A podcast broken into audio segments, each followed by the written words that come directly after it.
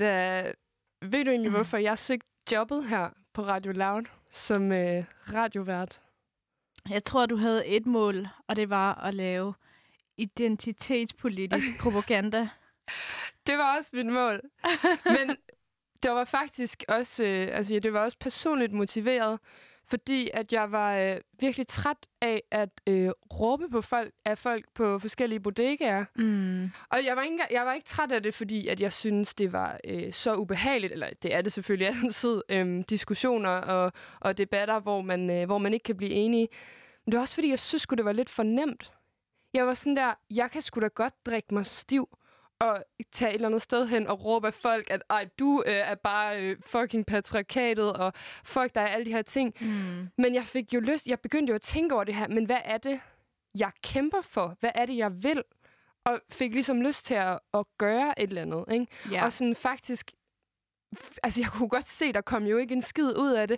Jeg gik derfra mega vred og mega sådan der øh, berettiget og følte mig jo så meget bedre end dem, fordi de ikke kunne indse forskellige ting. Og de gik jo derfra og tænkte, fuck en dårlig attitude. Altså sådan der, hun trænger da bare til at spise noget chokolade i, så sådan der, altså blive lidt glad igen. Ja, men ved du hvad, jeg har også tit følt, at når jeg diskuterer med bodegetyper, eller folk, som overhovedet ikke kan se pointen i det, det jeg siger, så føles det som om, at man ikke når nogen vegne. Og det Eller giver måske ligesom kan bare... du ikke se pointen i det, de siger. You, Ja, du kan men det- altid vende den om. Der er ikke nogen pointe i ulighed, jo. Ej. I hvert Nå, fald... men det er det, vi skal diskutere i dag, faktisk. Ja, vi skal jo diskutere, øh, hvordan... Altså, vi prøver at komme frem til, hvordan man opnår mere ligestilling. Og hvordan gør man det, når debatten omkring ligestilling altid ender med at blive så fucked, ikke? Altså, den ender altid med, at vi føler os krænket over et eller andet, og så bliver kræ- folk krænket over, at vi bliver krænket, og så bliver vi lige pludselig også krænket over, hvis folk ikke bliver krænket, og sådan det der med, det bliver så svært at finde rundt i, ikke? Og mm. hvor, hvor hurtigt man er til bare at være sådan, Nå, men så er det, fordi du ikke forstår det. Altså, og det gør vi jo hele tiden, ikke? Men det gør folk jo også mod os. Øhm, vi hedder Marie Kansel, Og, og, hende der Ulat.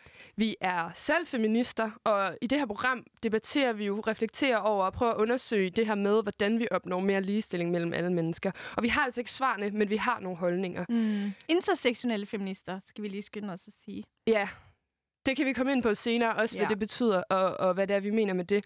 Øhm, og, og det er, grunden til, at vi skal snakke om ligestillingsdebatten i dag, det er, fordi vi er blevet udsat for vores første shitstorm. We made it! Øhm, og det var jo forventet, kan man sige, i ved at lave det her program. Mm. Men jeg synes også, det ramte overraskende hårdt, specielt fordi jeg synes meget, at kritikken faktisk var rigtig. Øhm, vi skal snakke om, hvad den moderne feminismes problemer kan være. Øh, vi skal snakke om, hvorfor går det altid så galt, det her. Altså både de her debatter mellem folk, der er feminister, og folk, der ikke er feminister, men også øhm, mellem feminister og andre feminister. Og til sidst skal vi tale lidt med jer lyttere om, hvor det er, I synes, I ligger i ligestillingsdebatten. Øhm, der er sådan nogle forskellige positioner, man kan indtage, øhm, som vi har stillet op, som I så har skulle prøve at svare på, hvor I synes, I ligger.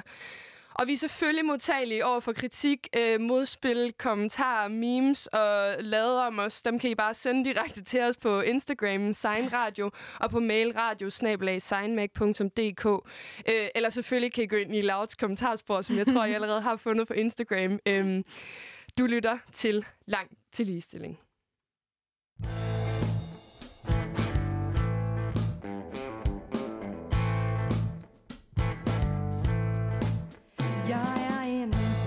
Jeg er en gammel feminist. Når jeg ikke skriver kronikker, bliver jeg trist. Jeg har kæmpet, jeg har råbt, og jeg har grædt. Men i det mindste ved jeg, at jeg har ret. Jeg er en træt, og jeg er en stedig feminist. Når jeg ikke står i deadline, bliver jeg trist. Jeg har kæmpet, jeg har råbt og jeg har grædt. Men i det mindste ved jeg, at jeg har ret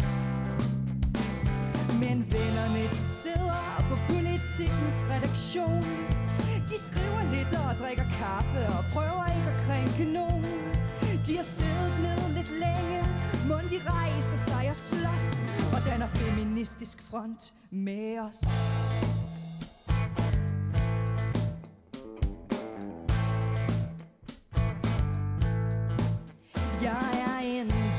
Jeg er en gammel feminist.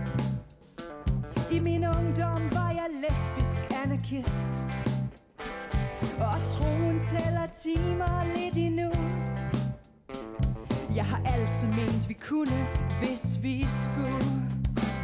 Men vennerne, de sidder på politikens redaktion. De skriver lidt og drikker kaffe og prøver ikke at krænke nogen. Og hvis de endelig gør det, mente de det ikke slemt. Eh, jeg ved det, for jeg er en del af det segment. Eh, ja, vennerne, de sidder på politikens redaktion. Eh, de skriver lidt og drikker kaffe og prøver ikke at krænke nogen. De har siddet ned lidt længe, mund de rejser sig og slås, og danner feministisk front med os.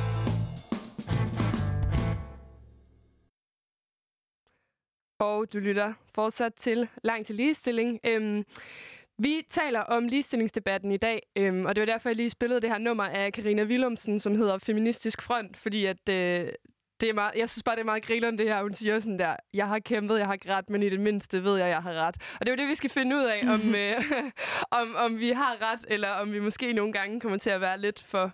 Øh, er lidt for heldige på en eller anden måde. Og det, øh, grunden til, at vi diskuterer det, det er, fordi at vi er blevet udsat for vores første shitstorm.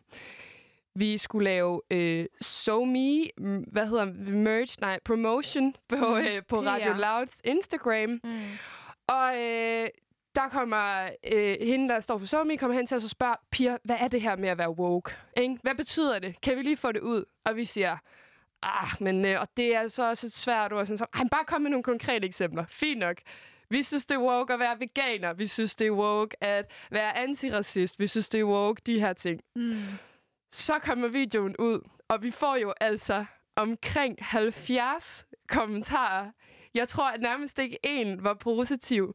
Øhm, og jeg kan lige prøve at læse nogle af dem højt for jer. Øhm, der er en, der skriver, jeg bruger ikke ordet woke, øh, og woke kan som sådan bruges af alle. Højrefløjen mener nok, at noget er woke, som venstrefløjen ikke mener er woke. Konspirationsteoretikere mener, at noget helt tredje er woke.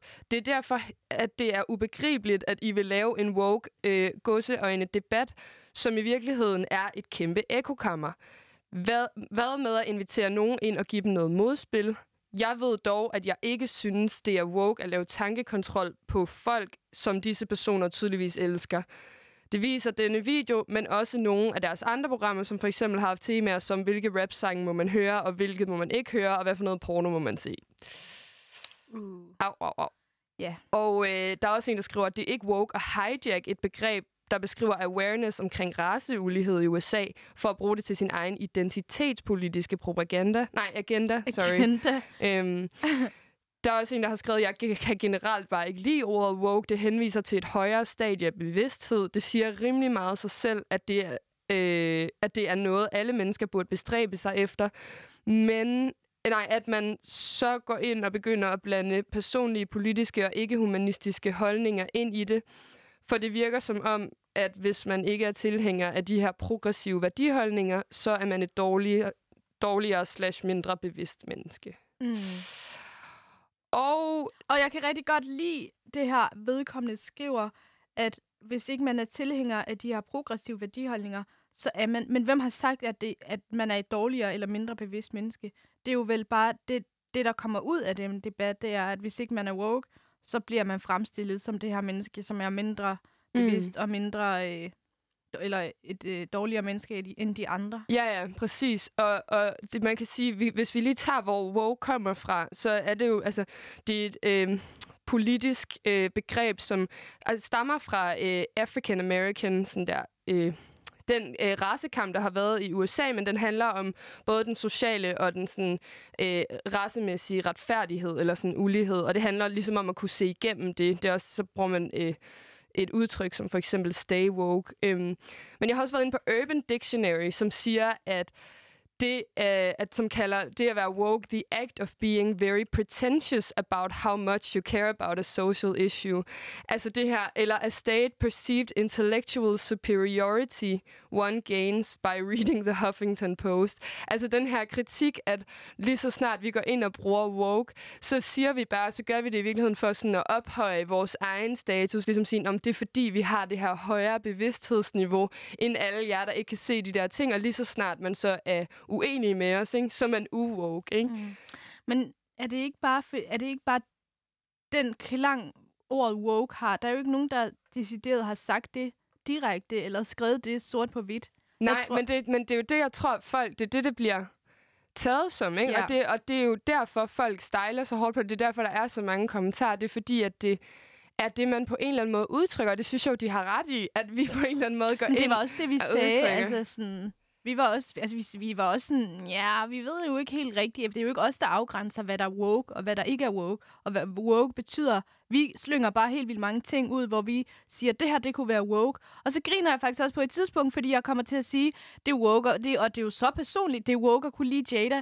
Så griner jeg og siger, at det er i hvert fald ikke woke at diktere ned, hvad andre skal kunne lide eller ikke kunne lide. Forstår du, hvad jeg mener? Men det gør vi jo i hele videoen. Ja, det kan jeg godt se. Men ja, det... jeg synes det godt, at vi kan lægge os lidt ned ja, og sige ja, sådan der, fuldstændig, det er jeg med på. Men jeg synes også, at det er jo så personligt også, det, hvad man selv mener er woke. Præcis. Præcis. Det er jo lige, og det er jo derfor, folk bliver sure, når vi så går ind og siger, hvad det er, vi synes er woke. Ikke? Mm. Nå, anyways, jeg har i hvert fald snakket med en af de her kommentarer, fordi det er altid, øh, det kan altid virke lidt overvældende med de her sådan Instagram-debatter, og jeg tænker, den eneste måde, vi finder ud af at komme frem til en bedre måde at tale om de her ting på, det er ved at snakke sammen om det. Så øh, her kommer et interview, jeg lavede tidligere i dag. Og jeg har simpelthen valgt at tage Kasper Jakobsen med øh, over telefonen i dag. Du går under Instagram-navnet Kasper Axel KJ. Øhm, og du har jo været inde og kommentere på mig og Hinders øh, video, og vores woke-video, inde på Radio Louds Instagram. Og øh, du kan lige sige hej, Kasper. Hej, hej. Og det er selvfølgelig pisse sejt, at du har lyst til at stille op. Øhm, jeg, jeg tænker, at vi gør det sådan, at jeg lige starter med at læse nogle uddrag af din kommentar. Øhm, jeg har ikke øh, lige fået plads til at læse den hele. Øhm, men, men de ting, jeg i hvert fald har bidt mærke til, som jeg synes er spændende. Øhm, ja. Du skriver altså, hvis man er uenig, så er man bare chauvinist, sexist, racist, en del af patriarkatet, usiviliseret. Man må ikke danne sit eget synspunkt, meninger eller holdninger. Det virker mm ikke som om man er interesseret i at starte en debat, når man siger, at noget er eller ikke er woke, øhm, så lyder det som om man får en facitliste. Det ligner mere, at man prøver at give folk skyldfølelse for ikke at dele samme holdninger som mainstream medier. Jeg har ikke tænkt mig at skrive, hvad jeg synes er woke, da jeg ikke ønsker at deltage i jeres form for debat. Jeg har det allerede skidt med at kommenteret og skabt, skabt trafik på jeres side. Mm. Men nu øh, deltager du altså i vores debat, øhm, og det er vi rigtig glade for. Øh, Kasper, vil du prøve at fortælle mig, hvad er det, du synes er problemet med den her video?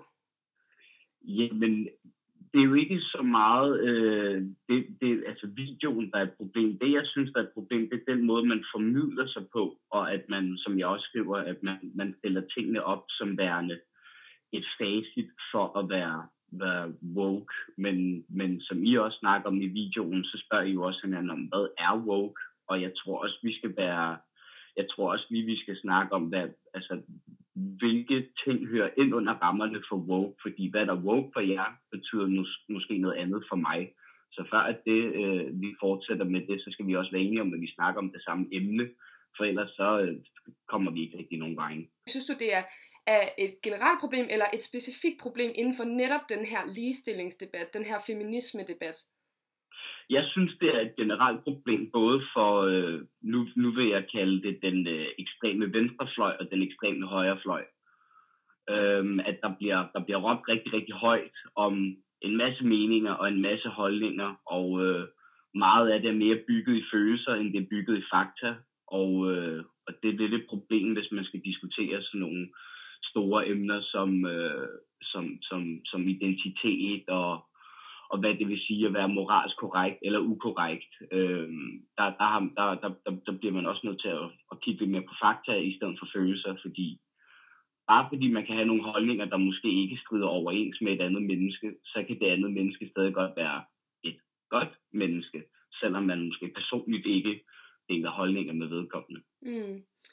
Vi, øh, vi har jo lavet vores program på den præmis, at vi altså ikke synes, vi har ligestilling i samfundet. Vi synes ikke, der er ligestilling blandt øh, køn, forskellige klasser, etniciteter, kulturel baggrund, seksualitet og alle de her ting. Øhm, hvordan og det jo, har jo både, er jo noget, både noget, vi selv føler, øhm, men meget af det er også baseret på fakta.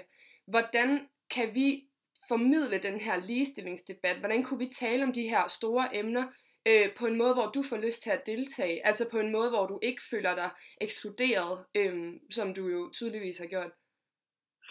Hvis man for eksempel siger, at der eksisterer et, øh, et wage gap mellem kønnene, det er mm. jo, det er jo øh, en teori, der er blevet modbevist mange, mange gange, fordi at der simpelthen er så mange forskellige faktorer, der spiller ind over. Ja, den gennemsnitlige mand tjener mere end den gennemsnitlige kvinde. Det er korrekt, men det har ikke noget at gøre med, at, øh, at, at, at et firma simpelthen går ud og ansætter en kvinde og siger, hej, du kan få det her fuldtidsarbejde, du får 140 kroner i timen, og så er der der, øh, og den samme arbejdsgiver går så ud til en mand og siger, hej, du får 160 kroner i timen. Altså mine kvindelige kollegaer får præcis det samme time, som jeg gør. Okay, øh, men må men jeg lige, du jo... må jeg spørge ja. om noget? Altså, ja, nu spurgte jeg jo ind til, hvordan vi kan tale om tingene, men, men nu, nu bliver jeg lige nysgerrig. Synes du, at vi har ligestilling i samfundet?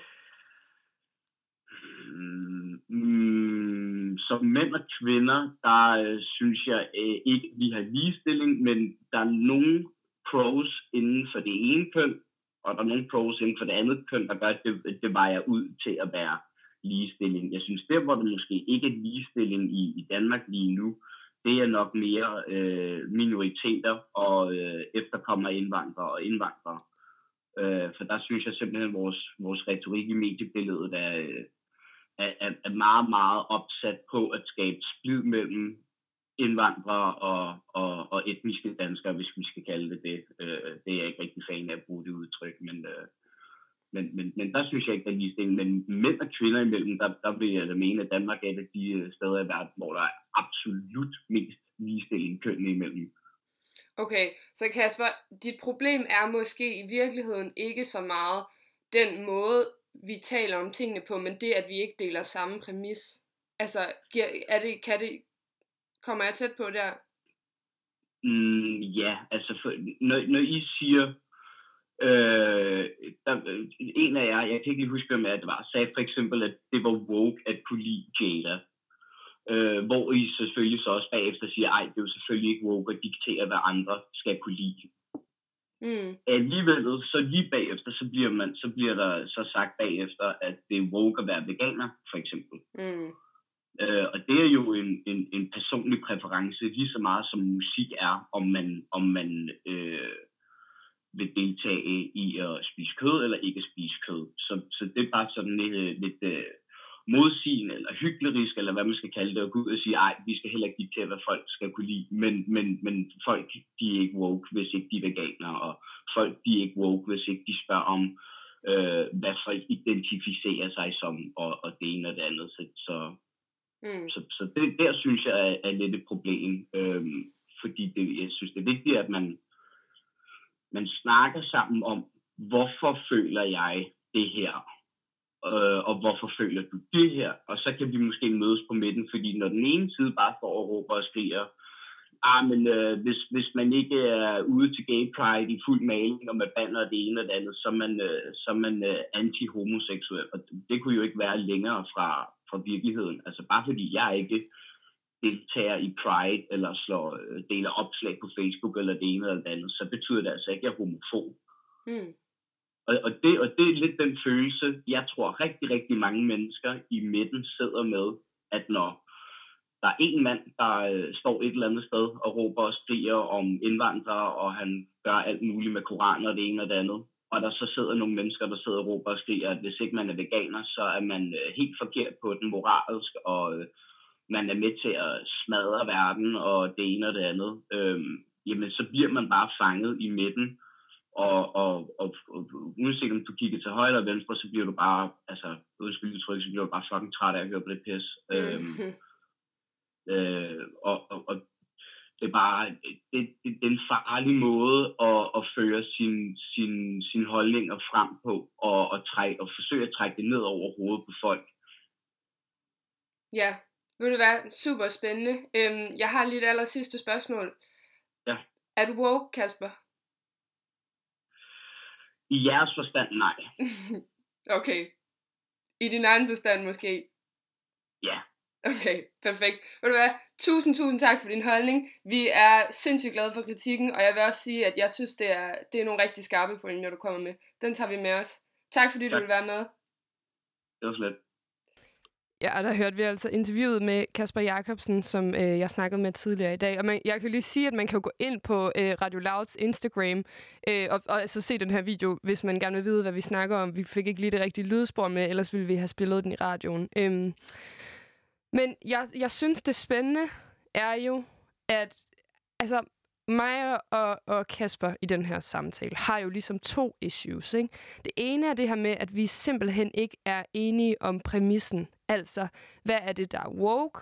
Øh, hvor meget ligestilling har vi? Øh, hvad, ligesom, hvad er det, problemet er, hvad er det løsningerne er på det, hvor jeg er jo bare, altså, er jo gået ud i en Instagram-video og sagt, ah, at løsningen på ligestillingsproblemet er, at man skal være antiracist, eller anti la la la eller veganer, eller et eller andet, ikke? Øh, og jeg tænker, at vores andet issue så er det der med, at øh, debatten jo ikke var konstruktiv. Altså inde på Instagram, når jeg bare siger øh, én ting, og Kasper så går ind og kritiserer det, eller sådan, hvad kommer vi så i virkeligheden frem til?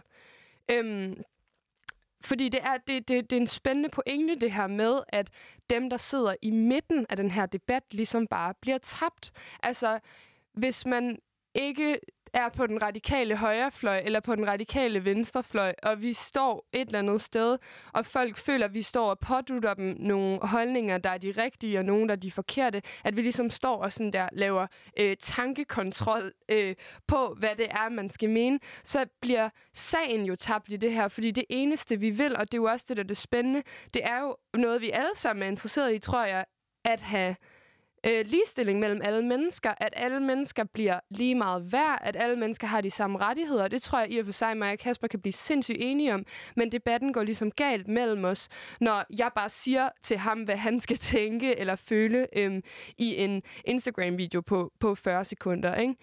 Øhm, I stedet for skulle jeg jo sætte mig... For eksempel jeg tror jeg ikke, vi er enige i det her med løngabet, om hvor, hvor, altså, hvor stort et problem det er eller ej. Det skulle vi jo sætte os ned, og jeg skal forklare ham, hvorfor jeg føler, at løngabet stadig er et problem, selvom man...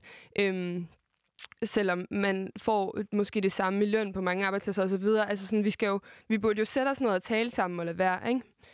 Øhm, men hende, jeg tænkte, vi måske kunne tale om sådan der, hvad er det med det her ord woke, og sådan, hvordan er det, vi bruger det, fordi jeg tror også, den fælde, vi lidt går i, det er, at vi jo begge to sidder i et ret sådan feministisk ekokammer, mm. normalt måske, ikke?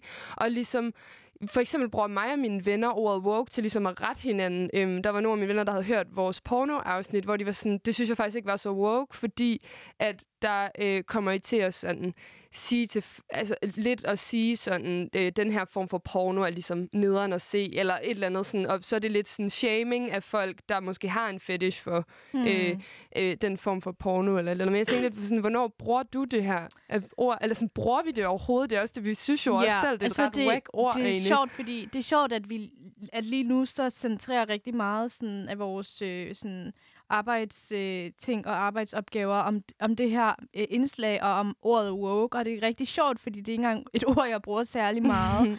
øhm, men det har jeg jo gjort her på det sidste efter videoen. Øhm, men ordet woke, det er altså... Vi bruger det ikke, mig og mine venner. Altså, i hvert fald ikke øh, super tit. Men når det bliver brugt, så er det jo også, at vi har en intern forståelse intern for, mm. hvad det betyder. Og derfor så kan vi godt sige, at det der det er mega woke, eller sådan, fuck, hvor det nice, mm. øh, han virker vildt woke, ham der, eller sådan. Og det er jo, fordi vi internt har nogle forståelser af, hvad vi synes, der er woke. Og det er jo også det, som jeg kan mærke nu også er problemet med det her ord, det er jo, at det er så subjektivt. Altså sådan, det, det er jo noget, vi selv har afgrænset, hvad woke definerer, mm. og derfor så kan det for nogen virke som om, at vi har tager patent på ordet woke. Mm.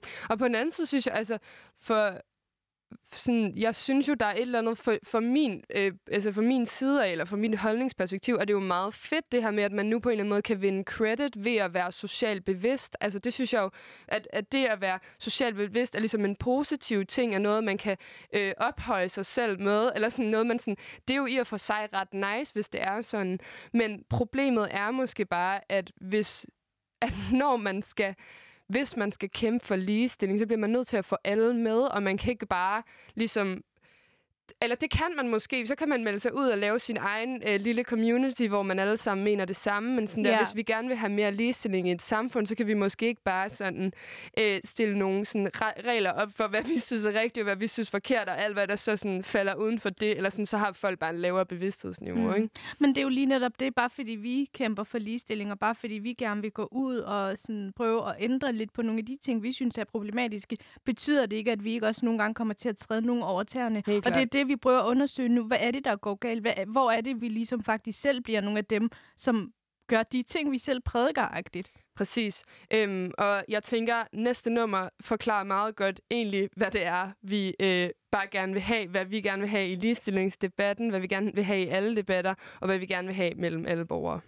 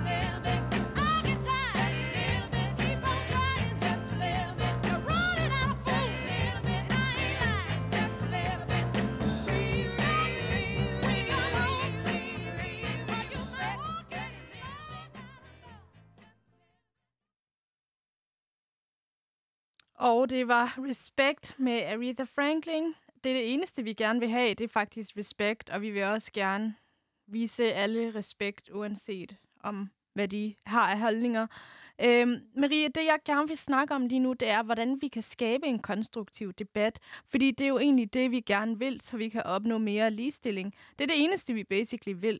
Og øhm, især i feministiske internetdebatter og den her øh, nye cancel culture, der er, der bliver femi- øh, den feministiske debatkultur kritiseret helt vildt meget for ikke at være konstruktiv. Øhm, fordi at det netop går ud og bliver sådan noget, hvor folk bliver hissige, og folk ender som med at gøre brug af nogle andre teknikker, hvor man bruger humor og nedgørelse til ligesom at vise, hvor meget man tager afstand fra øh, den anden parts øh, holdninger osv. Men hvem er det, der egentlig definerer, hvad der er konstruktivt? Øhm, og i det her tilfælde især, der tænker jeg rigtig meget på, at når vi tænker, at noget skal være konstruktivt, så bliver det refereret til, at det kan tages ind, og det faktisk skal bruges til noget. Det er noget, der skal være sådan legitimt og sobert, og ligesom ikke bære præg af øh, sådan sjov og nedgørelse og Følelser. sarkasme. Præcis, og følelser også. Det er jo Mm. også noget, som gør, at man ligesom ikke bliver taget seriøst, eller at folk tænker, Nå, men du er da bare også hissig. Altså det hele, det handler ikke om dine følelser, det handler faktisk om rationalitet og alt muligt andet. Men sarkasme og humor og følelse kan jo også godt være et budskab til at ligesom få, altså sådan, til at få øh, et værktøj til at få sit budskab, budskab igennem. Som hvem, hvem er det, der definerer, hvad konstruk, øh, konstruktivt er? Altså, jeg har tænkt rigtig meget over det, fordi jeg har seriøst prøvet at tænke, hvad er det, hvad er konstruktivt? Altså sådan, hvornår føler jeg, at noget er konstruktivt, som jeg kan bruge til noget? Også selvom det er en kritik, også selvom det er faktisk noget, der i første sekund gør mig vred og ked af det. Og så efter nogle dage, så tænker man, men hvis nu jeg tilsidesætter alle mine følelser og den måde, som jeg er involveret på, hvordan kan jeg så bruge det her til noget? Og hvad kan jeg lære af det? Altså, konstruktivt videnskaben består jo helt sådan primært af, at det har været mænd, der har defineret, hvad der var god smag, hvad der var god litteratur, hvad, hvad, hvad der var god musik, Mm. og hvad der er objektivt, og hvad der er subjektivt. Så intet er jo i virkeligheden, intet er jo i virkeligheden retfærdigt, eller hvis du forstår, hvad jeg mener, mm. intet er jo Mm. i virkeligheden objektivt, fordi det er jo nogen, der har sagt, det er det her, vi mener er det, og så er det derfra blevet taget til, at vi så er farvet af deres meninger og deres definitioner på, hvad konstruktivitet er. Øhm, og det er jo noget, jeg synes, altså, hvem er det så i virkeligheden, der dikterer, hvad der skal være konstruktivt eller ej? Mm. Så nu når vi siger, at okay, det er jo ikke konstruktivt, at vi gør grin med hinanden på Instagram, men det går jo alligevel ud og gør, at der er nogen, der føler sig forstået, der er nogen, der føler sig anerkendt, der er nogen, der føler, at de har et fællesskab, og så er der andre, der bliver provokeret af det, der er andre, der tager afstand, og det ligesom skaber de her to poler. Mm. Men så noget gør det jo for nogen. Noget godt gør det for nogen, og for andre ikke. Ja. Så hvem er det, der definerer, at noget er ukonstruktivt eller noget? Og sådan versus, er det så mere konstruktivt, hvis man på en mere civiliseret måde øh, står i et studie og sådan har en, øh, en person, der modererer den her debat og ligesom står og debatterer, er det så mere konstruktivt, fordi, fordi man så ikke gør brug af memes og følelser mm. og Mm. gemmer sig bag en skærm og sådan, hvem, hvem, hvem Ja, Altså eller sådan... det er bare en anden form for sådan speciel retorik. mm. Ja, helt, altså det synes jeg virkelig er spændende, og jeg synes også, det leder meget godt til sådan det, jeg gerne vil snakke om, fordi det er det her med, hvad er det egentlig, vi vil? Og jeg har taget fat i en, jeg har været been reading with the enemy. øhm, nej, jeg tænker bare det her med, det er jo også, det er vigtigt, at man forstår begge sider, så jeg har taget fat af en af de her kritikere af moderne feminisme. Øhm, og han hedder Mark Manson, og er sådan en amerikansk forfatter, blogger, øh, selvhjælpstype, der blandt andet har skrevet den her bog, The Subtle Art of Not Giving a Fuck. Øhm, og han har altså en blog, hvor han... Øh, der hedder markmanson.net, hvor han har skrevet en, øh, sådan en blogpost om What's the problem with feminism? Og den vil jeg gerne anbefale at gå ind og læse, fordi jeg har selv fået mega meget ud af det. Jeg synes, det er sindssygt spænd- spændende pointer, han har med. Men han skældner mellem det, der hedder filosofisk og tribal feminisme. Jeg kunne altså ikke lige finde ud af, hvordan jeg skulle oversætte det, men tribal er sådan, øh, at man tilhører en eller anden bestemt stamme, ikke? Og den filosofiske feminisme, siger han, den kan vi alle sammen blive enige om. Altså, alle mennesker er lige meget værd, vi skal alle sammen have lige mange rettigheder, bla bla bla, ikke? Den tribal feminisme, det er så der, hvor vi begynder at samle os i stammer, fordi for at vi kan kæmpe en politisk kamp, bliver vi jo nødt til at gøre et eller andet. Vi bliver nødt til at mene et eller andet, danne os nogle holdninger, og gerne vil konkret ændre noget. Ikke? Så lige så snart vi begynder at organisere os og kæmpe for rettigheder, det er altså der, hvor at feminismen bliver konkret og mm. bliver tribal. Og han øh, tager så fat i de her tre bølger af feminisme, der har været. Altså første bølge feminisme, hvor vi kæmper for øh, politisk lighed, hvor vi kæmper for at få stemmeret. Ikke? En anden øh, bølge, bølge af feminisme, hvor at vi kæmper for juridisk og professionel ligestilling, altså hvor på arbejdsmarkedet. Ikke? Og så tager han fat i den tredje bølge af feminisme, og måske kan man også argumentere for det lidt af den fjerde bølge, altså den, vi har nu, moderne feminisme, som kæmper for social lighed. Altså respekten øh, blandt alle mennesker, ligegyldig øh, identitet eller klasse. Ikke? Og jeg vil jo selvfølgelig argumentere for, at det her også, at, at den sociale lighed er med til at, at, at bidrage til politisk, juridisk og professionel lighed.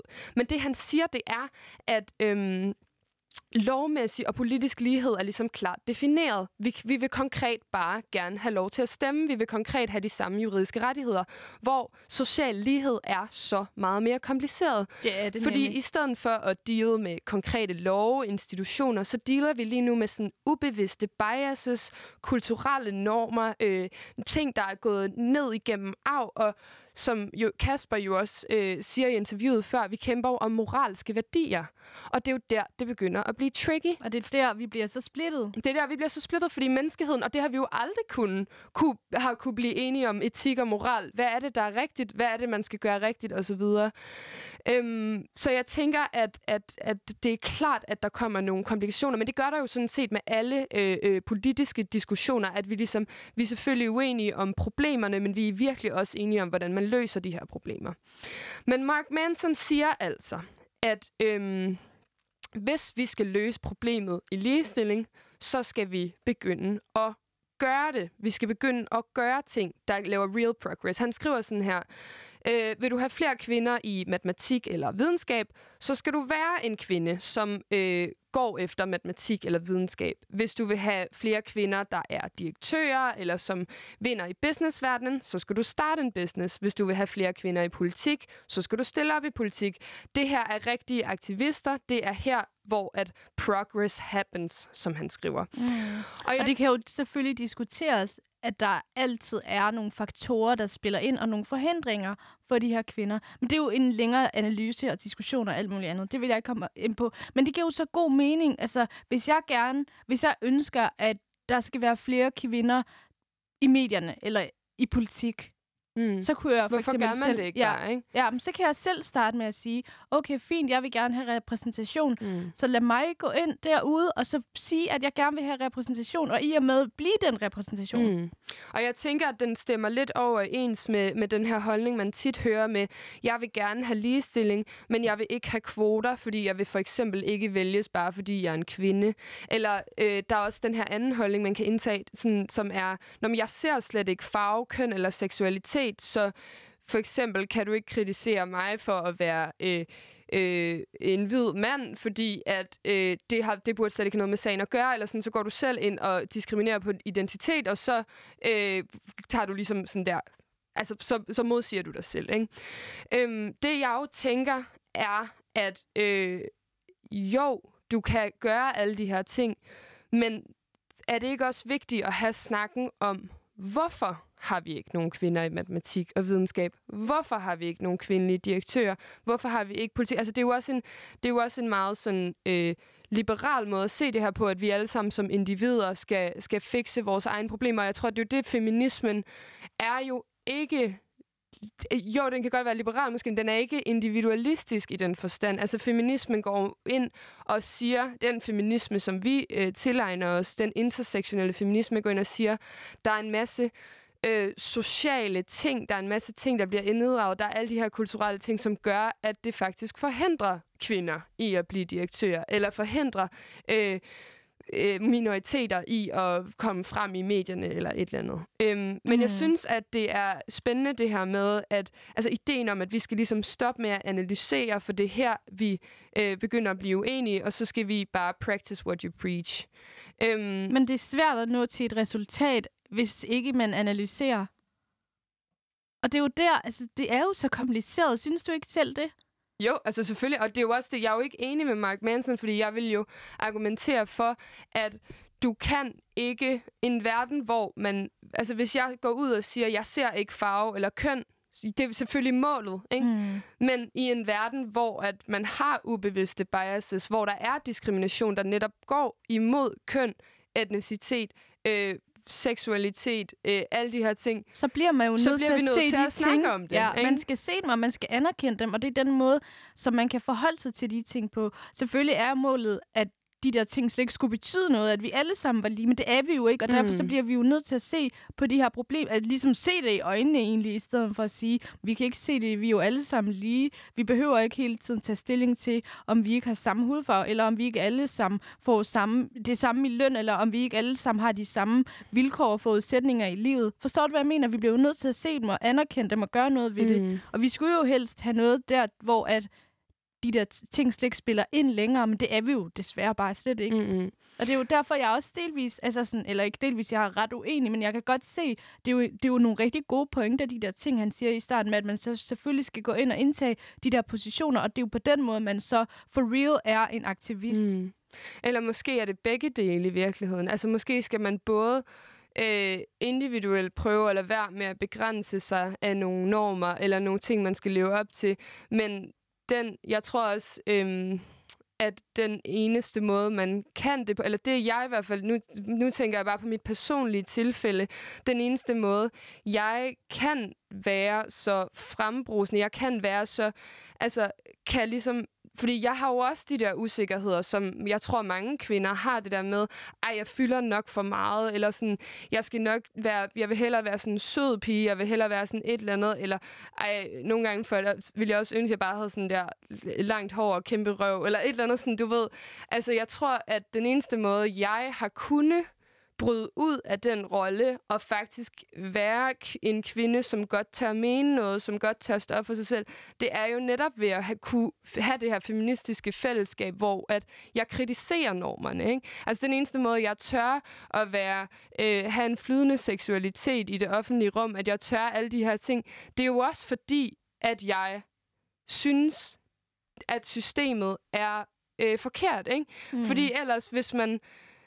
At, at jeg, eller jeg, tæ- jeg tænker bare, at det Mark Manson måske glemmer, det er, at det er en del af det at kunne gå ind og be that woman in business, ikke? Og be that woman in math. Det er noget, man først kan, når du har indset, hov, men alle de her begrænsninger, jeg har, mm. sådan, det er ikke min egen skyld. Nej, men det er jo så sådan, det er også derfor, det er jo så nemt at bare sige, jamen så gør det. Det er jo ikke sådan, verden hænger sammen. Hvis, hvis kvinder bare så kunne gøre det, selvfølgelig havde de gjort det. Mm. Men det er jo fordi, der er nogle andre strukturelle ting, der gør, at sådan står det bare slet ikke til. Det er jo ikke de kort, de kan spille med de kvinder. Mm. Altså forstår du, hvad jeg mener? Ja. Der er jo så meget andet fra at gøre noget til at indtage de positioner. I, i, altså sådan mellemregning er jo så alle de her ting, som vi diskuterer i dag, og alle de her ting, som for eksempel privilegier. Det er jo så privilegeret af ham at sige, så gør det. Mm. altså sådan, forstår du, hvad jeg mener? Mm. Helt klart. Øhm, lad os høre næste nummer, som, øh, som jeg er spændt på, hvad du synes om hende. Det kommer her. Åh oh, nej, åh oh, nej, åh oh, nej.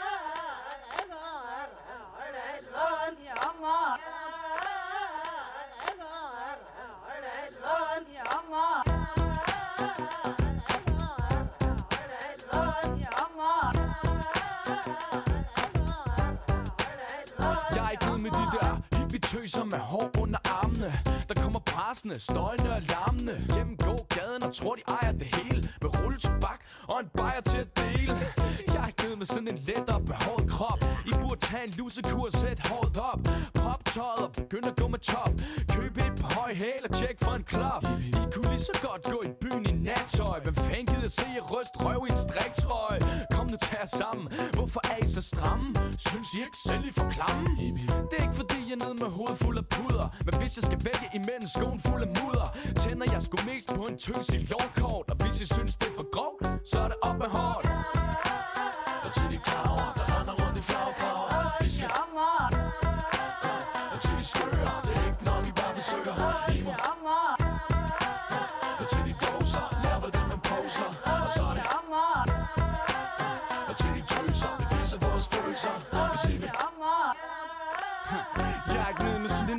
en høs tøs Der rakker gennem byen nervøst Som en hund, der er herløs. Shots går rundt i milistøvler dagen lang. En anden datter, djævlen totalt stram. Render under øjnene Sikkerhedsnål i ørerne. Ikke lige hvad jeg forbinder med fejl og forførende. Mere hvad jeg forbinder med en, der forbander tit. Men sådan er livet nu, hvor man er trist satanist. Sød pige, du ligner en, der let gjorde sig bedre. Hvis du smed de store kæder og de sorte læder. Hvis du lærte at smile, vær glad. Hvis du gad at starte dagen med at snuppe dig et bad. Du har selv salt i såret for længe. Ingen grund til at pakke sig ind og lade håret hænge. Ingen grund til ikke at stille sig i solen. Få lidt farve på de blege ben og luft sommerkjolen.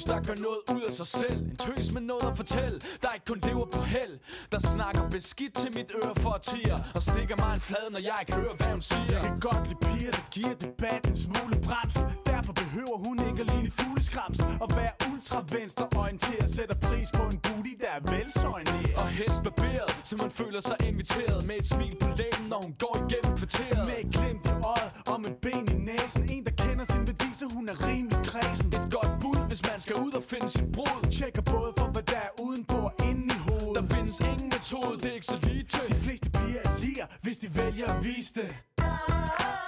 Og til de klar over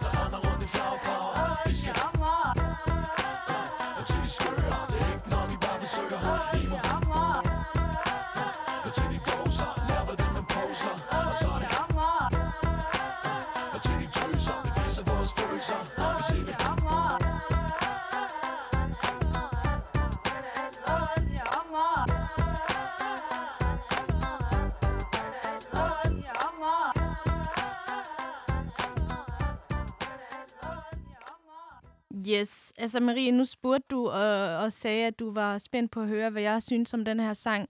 Og jeg vil gerne forsøge at øh, holde mine personlige meninger for mig selv. Men det, er altså, det, er ikke, det er ikke en sang, der ligesom... Jeg vil aldrig sætte den her sang på. Og der, det er der rigtig mange grunde til. Og jeg vil jo personligt mene, at det er jo, det er jo misogynt, og det er sådan, der er jo så meget i det, som gør, at jeg sådan tænker, det er jo lige præcis derfor, jeg har valgt at være feminist og kæmpe for rettigheder osv.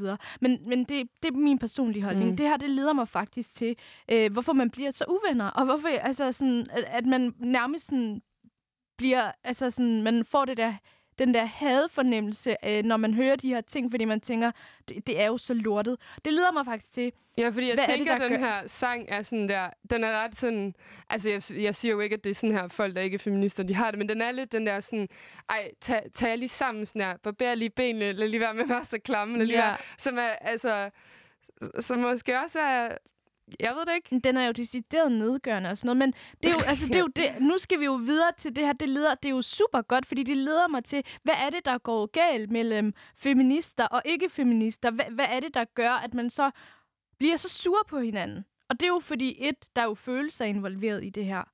Både for dem, som mener, at feminisme er vigtigt, men for de andre, som ikke mener, det er vigtigt. Fordi de tænker jo også bare, altså, we just want to have some fun. Altså, for dem er det jo sådan, kom nu, piger, barber lige jeres øh, sådan, ben og øh, øh, tag håret op og sådan. Men et, der er følelser i det her. Og de her følelser, der er i hvert fald, hvis man som feminist hører på det her og tænker, okay, wow, what is this kind of bullshit? Så det er fordi, at de her følelser, de udspringer sig jo fra personlige oplevelser. Altså du og jeg, vi har jo valgt at være feminister, fordi at vi har haft en decideret undertrykkelse eller en dårlig oplevelse rigtig tæt på livet, som gør, at vi har reflekteret over de her ting, og så aktivt taget del af den her kamp. Og det gør man jo, fordi at der er så meget frustration, og det er jo svært at adskille, når man har en heated samtale, eller når man bliver uenig med nogen, eller når man hører en sang i radioen, og så vælger at roast den, fordi man tænker, ej, det der, det, det, det kan jeg ikke lide.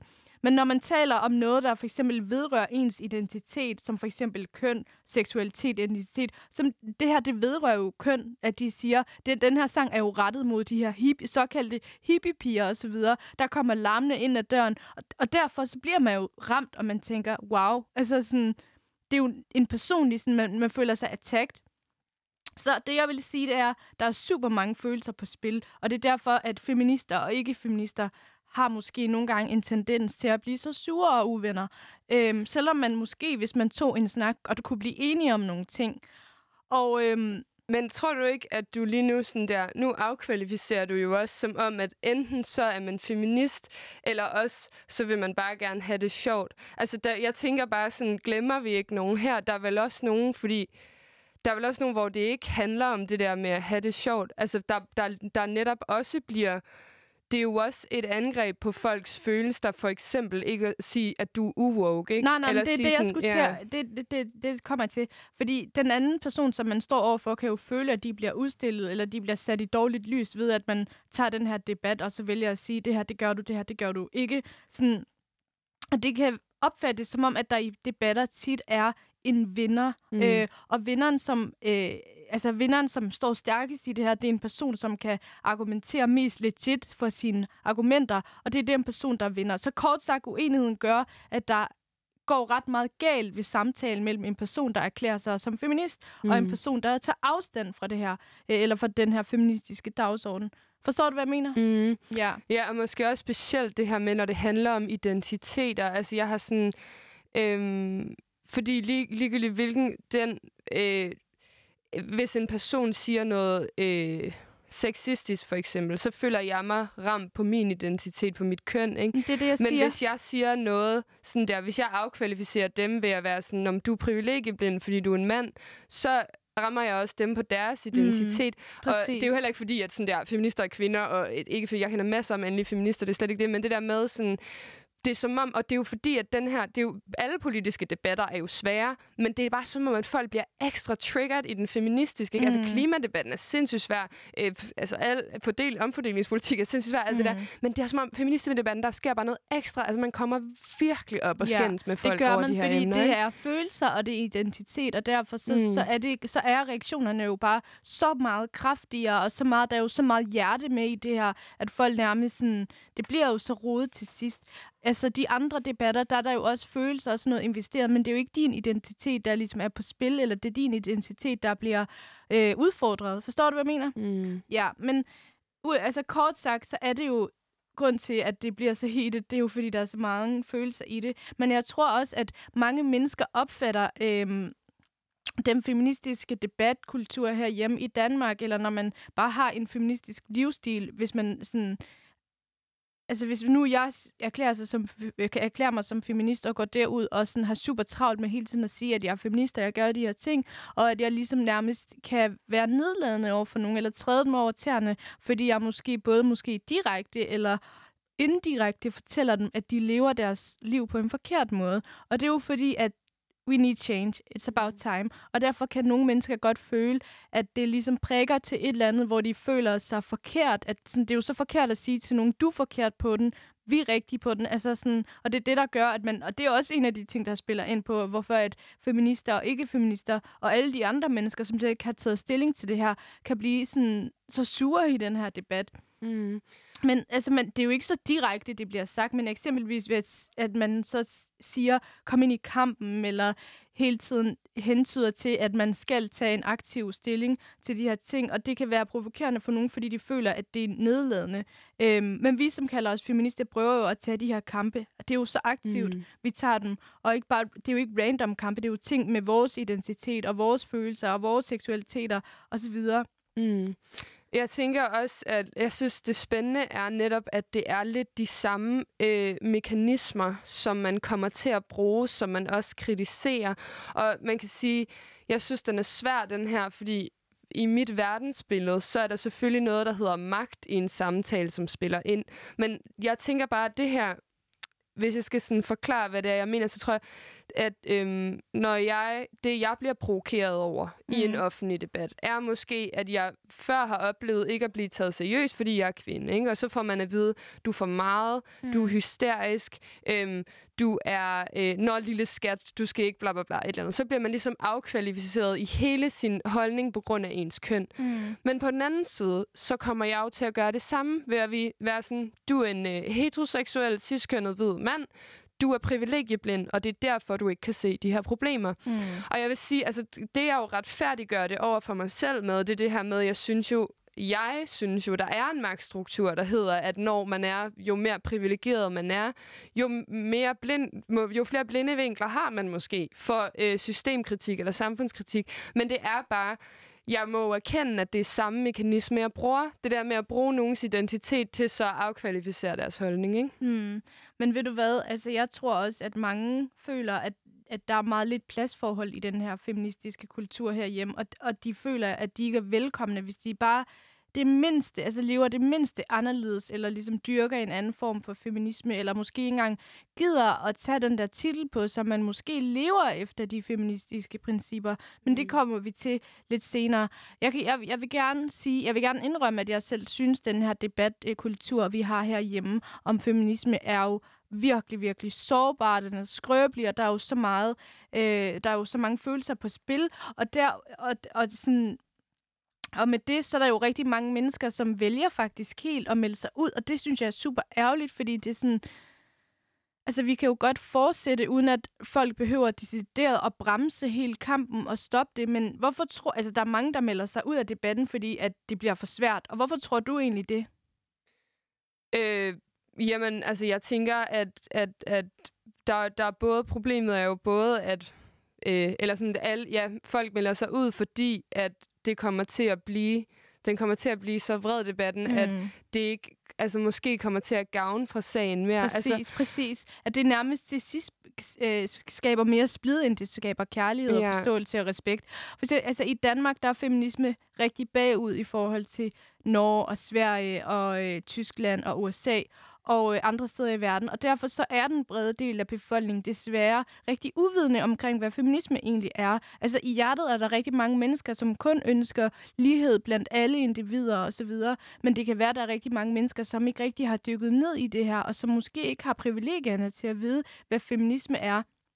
Og derfor, når folk så stiller sig op på en scene og ligesom snakker super højt om feminisme, der kan de her modreaktioner være super brutale og kraftige og personlige. Og derudover så bliver så er ordet feminist også bare stigmatiseret og har fået sådan en negativ klang Mm. blandt rigtig, rigtig mange mennesker, og det er nærmest et skældsord. Og derfor så er der jo bare også med internettet, det er jo så nemt at gå ind og mobbe nogen og skrive alt muligt lort, og debatten bliver simpelthen så kompliceret, at det bliver for hårdt. Altså, det bliver, mm. folk bliver jo nedslidt. Altså, så, så når man måske et sted i sit liv, hvor man tænker, er den feministiske kamp vigtigere end min egen personlige sundhed og sådan velvære. Forstår du, hvad jeg mener? Og derfor så har, altså, der er jo så mange eksempler på mennesker, der har været så aktive, for eksempel Emma Holten, og som ender med at så sige, "Jamen, nu, nu stopper jeg, fordi nu det her er ikke konstruktivt, eller mm, sådan, igen, ikke nu det her er ikke konstruktivt længere, nu er det bare for hårdt, og det er sådan, man kan jo heller ikke holde til al den,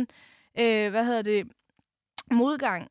Og ja, det, det er jo også bare, altså sådan, der er jo sygt meget medieinvolvering og Facebook-diskussioner og debatter, og det hele, det bliver jo så heated, og til sidst, så bliver man jo nødt til at sige, ærligt, lad mig lige være, selv tage en feministisk kamp i mit eget liv, og sådan arbejde på mig selv. Mm, og jeg tror, det er en god pointe, det her med, at mange mennesker føler sig misforstået, fordi sådan der, både, øh, altså både dem der, dem, der ikke er feminister, føler sig vildt hurtigt misforstået, fordi man så er sådan, om du er ikke feminist, så går du ikke ind for lighed, eller så går du ikke ind for ligestilling, mm. så går du ikke ind for alle de her ting, hvor de måske, altså folk har jo også bare forskellige tilgang til politiske løsninger. Sådan, nu ved jeg ikke, om jeg bliver alt for øh, super, eller også er jeg overhovedet ikke nuanceret. Jeg kan ikke helt øh, Men hvad igen, mit humør er i dag. det, Marie, Men- jeg bliver nødt til at vide, nuanceret er jo også et ord, som, hvem er det, der afgrænser, hvad der er nuanceret Ja. og ikke?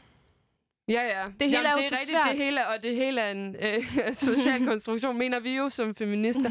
Jeg tror, jeg tænker noget andet af det her med, øhm, er det ikke også lidt færre at melde sig ud? Altså sådan at skabe sit eget lille ekokammer, eller sådan, jeg tror, at nogle gange tænker jeg, min opfattelse er, at som minoritet, som kvinde, føler jeg, at man har sådan tre valg, ikke?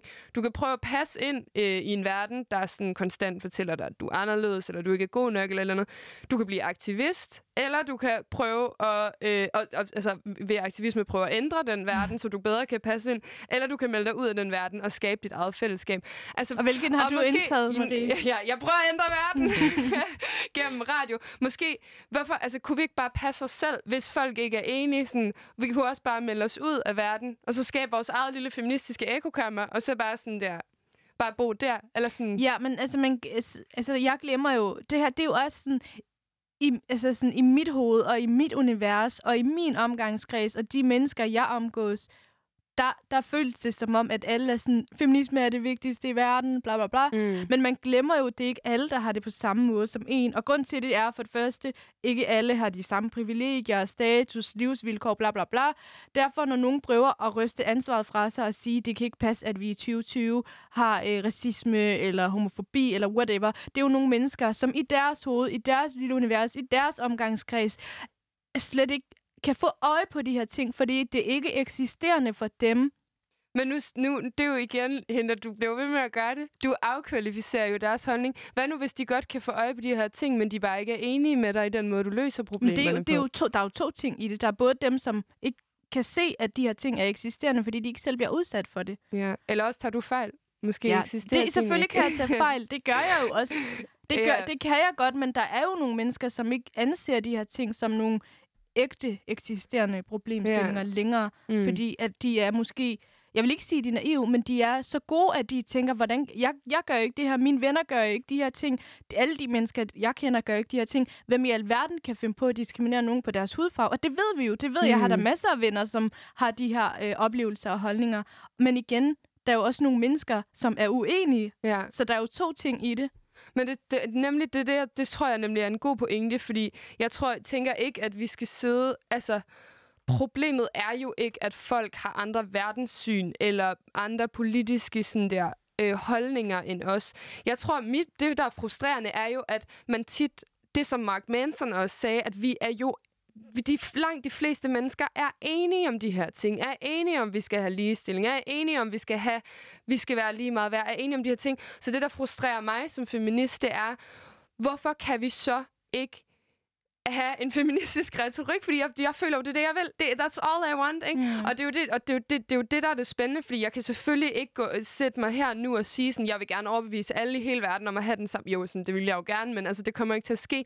Det, det er jo ikke det er jo ikke ligesom dem, det handler om dem, der har en anden politisk overbevisning, et andet verdensbillede, synes, vi har nogle andre poli- problemer i samfundet. Det, det er jo fair, eller sådan, det må... Det er jo ikke dem, vi skal med. Jeg, jeg tænker, at det frustrerende er det der med, der er så mange mennesker, der jo vil de samme ting som os. Hvorfor misforstår vi dem? Hvorfor Ja. misforstår de os? Og Ikke? noget- Hvorfor er det, de bliver så... Det, det vi vil i den der Instagram-video, bare for at tage det tilbage. Altså, vi vil bare gerne sige sådan der, ej, vi synes, racisme er fucked. Vi synes, alle de her ting er fucked. Øh, vi synes, det er nice at være klimabevidst. Eller sådan. Og det tror jeg bare, der er mange, der er enige i. Så hvad er det, folk stejler på, ikke? Ja, jeg tror også noget andet, som spiller ind, det er, at øh, folk er rigtig sådan, helt besatte af, og at man skal kalde sig feminist, og egentlig sådan helt eller det bliver glemt, hvad, hvad, hvad kampen går ud på. Det bliver glemt, mm. hvad vi skal kæmpe for. Og det kommer til at virke som om, at det, det vigtigste og sådan der første step, det er at kalde sig feminist og øh, have den her titel som feminist. Skriv det i din bio eller et eller andet. Men Ja. sådan, og, og, og jeg kan godt fornemme, at det er rigtig, rigtig vigtigt og afgørende, at folk kalder sig feminist, sådan erklærer sig, selv erklærer sig feminist, og starter en intro med, øhm, hej, jeg er Henda, jeg er 24 år, og jeg er feminist. Mm. Sådan, og det er så vigtigt, men hvorfor er det det? Øh, bare fordi jeg kalder mig selv feminist, det er jo ikke ens betydende med, at jeg tager en feministisk kamp. Jeg kunne, altså sådan, i, praktisk set, så kunne jeg godt egentlig være med til at sådan, nærmest gøre det sådan, bremse kampen. Ja. Forstår du, hvad jeg mener? Jeg tror, det er rigtig, rigtig vigtigt for mange mennesker, at der er det her... Øhm, den her titel på, og fordi kampen lægger mere vægt på li- ligestilling, så synes jeg egentlig også, helt ærligt hånd på hjertet, at fokuset skulle være der. Men mm. jeg Mm. kan også godt forstå behovet, og det er fordi, at når man har sådan en revolution som den her feministiske kamp, og de her øhm, sociale, øh, hvad kan man sige, den her form for sociale ligestilling, som vi rigtig gerne vil opnå, som også er en revolution sådan der historisk i den her tid, som vi lever, der er det rigtig vigtigt, at man har nogle allierede. Man skal jo vide, hvem af de her mennesker kæmper for det samme som mig. For hvis mm. ikke folk kæmper for det samme som mig, og egentlig gerne vil komme ulighed til livs, så, så er de jo sådan i vejen for det, så det er jo dem, der er med til at fastholde mm. det. Og det er jo sådan, det er, når man har en ideologi, eller når man har sådan en feministisk kamp og revolution. Ja. Og, det, og det er det, jeg tror gør, at rigtig mange mennesker ligesom har de her, øhm, har nærmest de her sociale koder om, at man skal kalde sig feminist, eller man skal, og for mange er det sådan der, det er ikke engang fedt længere, hvis du er feminist. Er sådan Mm. der, du skal skynde dig at sige, at du er intersektionel feminist. Øhm, Så Ja. det tror jeg også lidt kan være en fejlkilde. Og hånd på hjertet, jeg har selv været judgmental over nogle mennesker, som måske sådan, ja, ja, de er fine nok, de er dejlige mennesker. Og i, altså, at være et godt menneske i sig selv, er jo også med til at fremme ligestilling. Præcis. Men, men det der med, at sådan, det er så vigtigt, at folk siger, at de er feminister. Mm. Jamen, jeg tror også, og det tror jeg egentlig også er lidt af Mark Mansons pointe, altså hvorvidt vi er enige. Vi synes jo selvfølgelig, at det er mega vigtigt at snakke om og sådan noget, men det er det der med, at vi måske nogle gange, fordi at det netop handler om øh, social ligestilling nu, altså og fordi det handler om de her us- altså ikke spe- specifikke ting, så bliver vi måske nogle gange for besat af, at folk skal sige de rigtige ting, eller sådan lyde som rigtige, i stedet for at have fokus på, jamen, får vi mere ligestilling, eller sådan, opnår vi noget med det her. På den anden side vil jeg også sige, som du selv siger, det er også fucking hårdt at skulle være konstruktiv, ikke? Fordi grunden til, at man også tager en feministisk kamp, altså som jeg også var inde på før, eller sådan hele mit det har bare givet mig så meget frigørelse at tage den her kamp. Mm. Det har Mm. givet mig så meget øh, værdi i mig selv som menneske, mm. at kunne sige til mig, øh, altså, jeg har jo været udsat for nogle ting, eller sådan, og det tror jeg, vi, vi er jo mange, der er udsat for den ene eller den anden, altså på en eller anden form for for eksempel overgreb, eller ting, der i hvert fald stammer fra en kultur, hvor at kvinder bliver objektiviseret, eller kvinder et eller andet. Og det her med at have et fællesskab, hvor vi bare vi siger bare fucking nej til de her ting. Vi siger Mm. bare fucking... Altså sådan, det er så frigørende i mig, for mig, og det er jo også det, der kan gøre, at jeg så kan sætte mig ned nu og være, prøve, prøve at være konstruktiv og Mm. rationel. Det er, at, at jeg har en... Øhm, at jeg tror på mig selv, og jeg tror på, at jeg har ret. Og hvis jeg hele tiden skulle være så konstruktiv og imødekommende, og hele tiden gå på kompromis med mine egne holdninger, så, så ved jeg ikke, hvor længe jeg kunne holde ilden i gang Ja, i min kamp. Sådan har jeg det også. Og det er derfor, at, sådan, at jeg nogle gange også bare kan sige til mig selv, øh, ej, nu er du altså lige lidt sådan, nu er du alt for skrab. Mm. Og det er Mm. skrab på en måde, hvor jeg faktisk selv er med til at sådan, reproducere de ting, som jeg kæmper imod. Mm. Og det tror jeg bare er menneskeligt. Og igen, der er, meget, der er mange følelser i det her, og derfor... Så, og man føler selv, man har jo ret, og alle ens venner, som også er feminister, giver en ret, men man skal jo også vide, der er meget andet til verden. Og Mm. også fordi sådan, jeg begynder, eller sådan ikke begynder, jeg har altid haft det på den her måde, at jeg har tænkt, jeg skal have en vis respekt for alle mennesker. Selvfølgelig skal man mm. det. Og så er jeg ligeglad med, om de så går ind for flere koneri eller whatever. Jeg prøver bare at have en standard respekt for alle. Og så prøver man ligesom at sådan, på den måde Mm. føre sin feministiske agenda igennem, eller sådan... Eller så kan man dyrke den et andet sted. Du, det er jo ikke hele verdens befolkning, der kommer til at skulle erklære sig som feminister, eller tage en feministisk kamp, øhm, desværre. Ja. Og, det, og, og igen, det er jo fordi, der er nogle strukturer, Mm. og det er jo sådan, igen, det hele, det er jo sådan, det er jo en kæmpe cirkel, og alting sådan præger hinanden, og sådan, åh, det er så kompliceret. Det er så kompliceret. Men med det, så skal vi høre Formation med Beyoncé.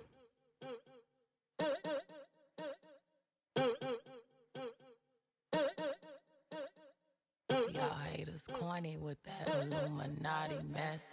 Paparazzi catch my fly and my cocky fresh. I'm so reckless when I rock my Givenchy dress.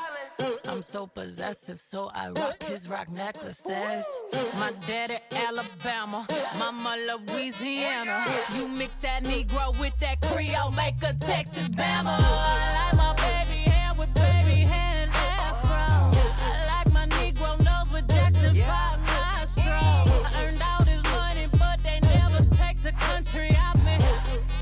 hot sauce in my bag, swag. I see it, I want it. I stunt yellow, want it.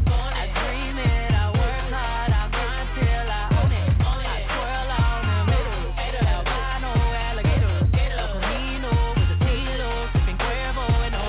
Sometimes I go out, I go out, I go hard, I go hard. Get what's mine, hey, what's mine? I'm a star, I'm a I slay, I slay,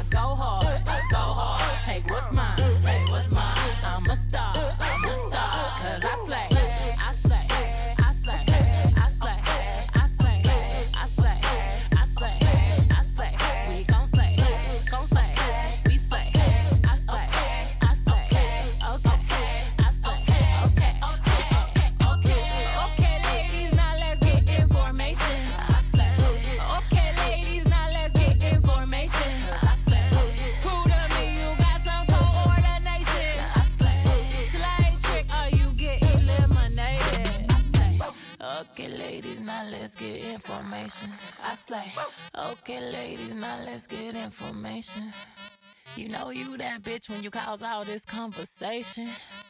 Always stay gracious. Best revenge is your paper.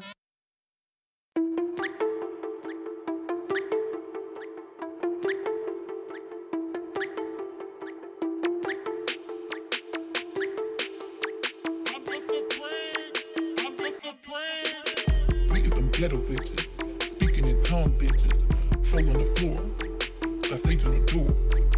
We them ghetto bitches, in tongue bitches, fall on the floor, that's say to the door.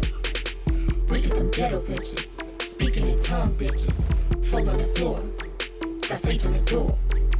We is them ghetto bitches, speaking in tongue bitches, fall on the floor, that's say to the door. Talk shit, we can cast spells. Long weeks, long nails, cornrow, pigtails. Baby father still in jail. Good witches I fuck with. Bad bitches, we run shit. Four bitches, four corners. North, east, west, south shit. Good witches I fuck with. Hot door for my broomstick. Witchcraft, witchcraft. Like magic is nothing. I reach in my altar. I reach in my altar. I reach in my altar. Coins on the. I'm that black Rican Bruja straight out from the Yoruba. And my people come from Africa, diaspora, Cuba. And you mix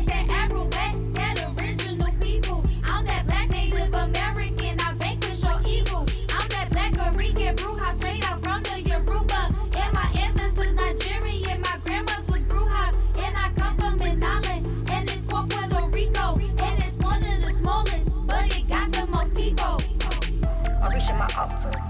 I reach in my altar. I reach in my altar. Got coins on the counter. I reach in my altar.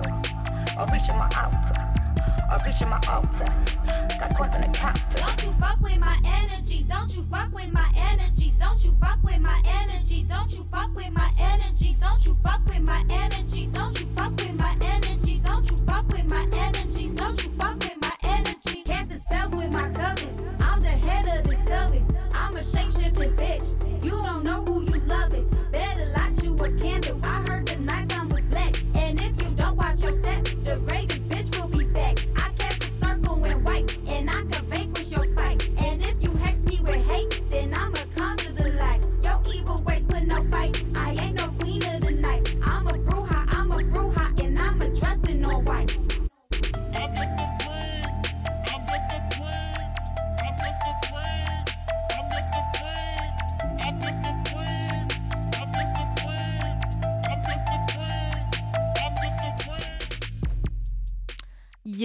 og det var øh, Brujas af Princess Nokia. Du, lyd, du lytter fortsat til Langt til Ligestilling.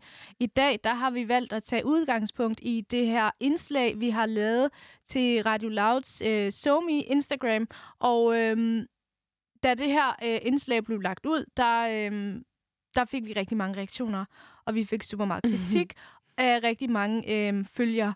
Og de her følgere, de føler, øh, kort sagt, de føler, at vi øh, tager patent på ordet woke. Det tror vi i hvert fald. Eller nogle af dem gør, ikke? Ja. Vi ved jo ikke, hvad de føler. Nej, eller vi tror, eller i hvert fald det, der bliver Mm. udtrykket i kommentarsporet, det er, at vi går ud og øh, prøver at øh, få folk til at sådan, mene det samme som os, eller vi prøver at sige, det her det er det, der betyder woke, og hvis du ikke mener det samme som os, så er du ikke woke. Øh, og det var fordi, vi kom til at sige måske, eller vi sagde det jo meget tydeligt, og jeg siger sådan, nu siger jeg bare noget, og det er jo fordi, at når vi lavede det her, så var det jo meget sådan, det er jo det, vi mener. Men måske har folk opfattet det som om, at det er det, alle skal mene. Og det er det, vi skal snakke om i dag, fordi det er jo virkelig, virkelig problematisk det her med, at vi selvfølgelig nogle gange også selv kan komme ud og øh, formidle nogle ting på en måde, hvor det bliver forstået som om, vi går ud og tager patent på nogle ord, eller går ud og dikterer, hvad andre skal mene eller synes. Og det er det, vi, det, er det, vi har snakket om hele dagen. Vi prøver at kigge lidt indad. Ja, ikke? præcis. For once. Præcis, og for mig er det også, eller sådan, vi har også snakket rigtig meget, at det er rigtig vigtigt at skelne øh, mellem, hvor, hvornår vi selv faktisk gør brug af nogle teknikker, som faktisk godt kan gå ind og øh, fodre det her, som vi selv kritiserer. Selvom vi er feminister, og vi, vi er sådan hånd på hjertet, vi gerne have den her ligestillingskamp, og det er det, vi brænder for, og det er derfor, vi har søgt det her job, og vi er blevet teamet op, fordi det første, vi begge to sagde, det er, vi gerne vil lave feministisk radio, og det er på den måde, vi gerne vil gøre en forskel. Vi er super trætte af at rante på bodegaer. Mm-hmm. Det gør, at det nytter ikke noget at skændes med folk på Facebook. Så få dig et job, hvor du kan snakke med nogle interessante mennesker, komme ud og snakke med nogle andre mennesker, som er uenige med dig, men vi vil også gerne gå ind og se på, at selvfølgelig gør vi også nogle ting, som selv er med til at bidrage øh, øh, til, mm. til misforståelser og til måske også lidt ulighed, eller sådan gøre brug af fjendens teknik nogle gange. Forstår du, Ja. hvad jeg mener? Ja, og det, ja, og det er jo også det, der, det, det, vi jo stiller os spørgsmålet i dag, det er sådan, hvad, hvad er det, vi kommer til at gøre, som går galt, ikke? Altså, hvad, hvad er det, fordi det her med, at vi jo så, vi jo føler, at den her kamp Ja, det, man føler som feminist, ej, det jeg føler som feminist, er sådan, når men hvis folk bare tænker sig om, hvis det bare lige sådan der kom ind, så vil folk forstå, at alt, hvad jeg vil, er bare sådan øh, lighed, frihed, alle de her værdier, som jeg føler, alle godt kan være med på. Ikke? Mm. Men det er klart, at det også bliver øh, en politisk holdning. Det bliver også fordi, at vi har forskellige måder at se problemer på i et samfund. Vi har forskellige måder at se løsninger på i et samfund, og derfor går det tit galt. Og det går faktisk ikke kun galt mellem feminister og ikke-feminister. Nej, fordi at feminister internt har jo også sindssygt mange stridigheder, og det er jo ikke nemt det her. Altså sådan, det, det, det skal du forklare mig lidt mere om, Marie. Hvad er det, der går galt imellem feminister og andre feminister? Jamen, det er også det, jeg skulle lige til at sige, fordi da vi blev udsat for den her shitstorm på Loud, der var jeg faktisk... Øh, min største frygt var ikke, at, sådan der, at folk er uenige med os, fordi det tænker jeg sådan, selvfølgelig, hvis vi laver feministisk radio, selvfølgelig er der vildt mange, der er uenige med os. Min største frygt var, at andre feminister skulle gå ind og synes, at det var problematisk, at vi udtalte os om, hvad der er woke, fordi det er problematisk, eller sådan, så jeg forstår det godt. Og sådan, det er den der med, at, at der er faktisk i feminisme-debatten, nu bliver det også generaliserende, synes jeg, at man er virkelig nervøs, også for at træde forkert, fordi folk, der er med i den her debat, er sindssygt skarpe, er sindssygt kloge og er ikke bange for at call hinanden ud. Mm. Og jeg kan lige komme med et eksempel, fordi da vi sad og forberedte de her, var vi jo ikke de eneste, der blev udsat for shitstorm. Nej, Øhm, i den her uge er der sådan... Ja, der er en del, eller, og ikke i den her uge i sådan generelt, ikke? Ja. Og jeg har skrevet her, the devil works fast, but, But meme-kulturen Ej. Faster. genialt. Øhm, det er sådan, at ham her, Ali No Stress, som han hedder på Instagram, Ali, Ali Sivandi, øhm, som er den her danske skuespiller, postede en story, hvor at han... Øh, på Instagram, hvor han råbte efter en person på gaden, der havde skæg og stiletter på, og råbte sådan noget, øh, noget der i hvert fald var en rimelig tydelig sådan der minder om en hate crime. Mm. Det sker så, at øh, memesider som krænkelseskulturelle memes og tiara-memes Og en masse øhm, personlige profiler. og en masse personlige profiler går ind, øh, anmelder Ali No Stress, eller går ligesom, deler det her, og sådan, vi skal ind og anmelde ham. Øh, der er rigtig, rigtig mange mennesker, der samles og går ind og kommenterer regnbueflag inde på, øh, på hans forskellige billeder og sådan noget, for ligesom at vise det her med, vi accepterer ikke hate crimes, ikke? Og jeg vil sige, at øh, jeg tænker ikke, vi skal diskutere selve casen, fordi jeg synes selvfølgelig aldrig, det er i orden øh, at, at, at udføre hate crime på den her måde, men jeg tænker, at det her er et ret godt billede på, hvordan meget feministisk debatkultur faktisk fungerer. Det her med, Øhm, ah, det er også svært, fordi jeg har jo selvfølgelig heller ikke lyst til at sidde og sige sådan der, at du skal øh, øh, invitere folk til debatter, som udfører så tydelige hate crimes. Det er ikke det, jeg prøver at sige, men jeg mener bare sådan, det sker tit det her med, han gør noget, som, mi, som feminister synes er problematisk, eller folk, der er øh, queer-forkæmper, mm. eller de her øh, forskellige aktivister. Og så går man ind, man blokerer, man spammer, man gør alle de her ting. Ikke? Mm. Og det er et meget godt billede på, hvordan det fungerer med mange af de her feministiske øh, Instagrams. Altså, hvordan, hvordan, hvilke midler man ligesom bruger for i kampen for ligestilling. Ikke? Øhm, Og, og det, er jo også, det er jo også interessant at kigge på, om de her feministiske øh, værktøjer, det der med, at den der share culture, hvor man deler hinandens story, det kommer jo så hurtigt ud til mm, så mange tusinder præcis. mennesker, fordi vi så det jo i løbet af to sekunder. ja, ikke? jeg deler den, mine venner deler den, mm. alle sammen har virkelig mange følgere, deres venner deler den, man tagger hinanden, alle skriver, gå ind og gør det her, fordi Mm. folk tager dybt afstand for det her. Det gør vi Mm. jo også. Det er jo aldrig fucking okay at gøre det, der Nej. han gør. Men vi vil gerne sådan, hele det der værktøj, er det egentlig, altså sådan igen tilbage til det, er det konstruktivt, eller er det spild Ja. af tid? Går Ali seriøst i seng og tænker, fuck, hvor Har har, han jeg lært ja, noget, ikke? fuck, hvor har jeg fejlet? Jeg skal sige undskyld til den person, jeg skal sige undskyld for det, jeg gjorde. Mm. Eller har han bare tænkt, Det, jeg ved jo ikke, hvad han har Ja, tænkt, eller men måske er det, er det får man- effektivt? Ja, det er det. Og også fordi jeg tænker, det, den, den effektivitet, det kan have, det er det der med, at man ligesom viser en hel masse mennesker, som måske følger Ali, at sådan der, hvis der sidder en masse queers og følger Ali for eksempel, eller folk, der er øh, øh, genderfluid eller whatever, hvis, øh, så, så viser man ligesom, vi accepterer ikke homofobi. Og det tænker jeg er den ene del af sagen, det der med at vise udad til, vi, er, vi accepterer ikke den her form for sådan øh, queerfobi, som, mm. som der bliver tydeliggjort i videoen. Men, men det spændende er jo det der med, ja, virker det på ham? Ikke? Mm. Altså sådan, Men virker den her kultur på de folk, man faktisk kritiserer? Og mm. jeg, jeg står jo... Det, det, den måske kan gøre, det er, at jeg for eksempel stod og skulle deltage i en øh, debat her forleden, der handlede om det her med hjertekvinder. Det ved jeg ikke, om folk har fulgt med i, men man kan gå ind og høre debatten inde på Touché, som er et andet øh, Radio Loud-program. Altså en debat, der handler om nogle kvinder, der prædiker meget sådan der selvhjælp og selvkærlighed og sådan noget. Og så skulle jeg ligesom gå ind og være feministen i det, ikke? Og jeg var faktisk virkelig, virkelig nervøs. Og jeg, jeg tvivler jo ikke på min egen holdning. Jeg tvivler ikke på, men fordi jeg synes, det er en sindssygt svært position at indtage som feminist. Fordi at lige så snart du skal ind og kritisere hvis jeg bare skulle ind og kritisere mænd hele tiden, så ville jeg ligesom have hele øh, feminismekulturen bag mig. Ikke? Men lige så snart jeg skal ind og femini- øh, kritisere kvinder, så ved jeg, at jeg skal træde meget varsomt, før at jeg ikke bliver callet out som en dårlig feminist. Ikke? Mm. For at jeg ikke kommer til at gå ind og være misogyn, altså kvindehader, eller gå ind og være de her ting. Øhm, så, så det var mit ene problem, er ligesom det der. Og det, havde, det problem havde jeg faktisk også, da vi skulle lave det her program. Det der med at være bange for ved jeg nu nok? Altså faktisk ikke være bange for folk, der er uenige med mig, men være bange for folk, der er enige med mig. At jeg måske kan tage deres budskaber og bruge dem forkert, eller på en eller anden måde, ikke? Ja, det er rigtig interessant at kigge på.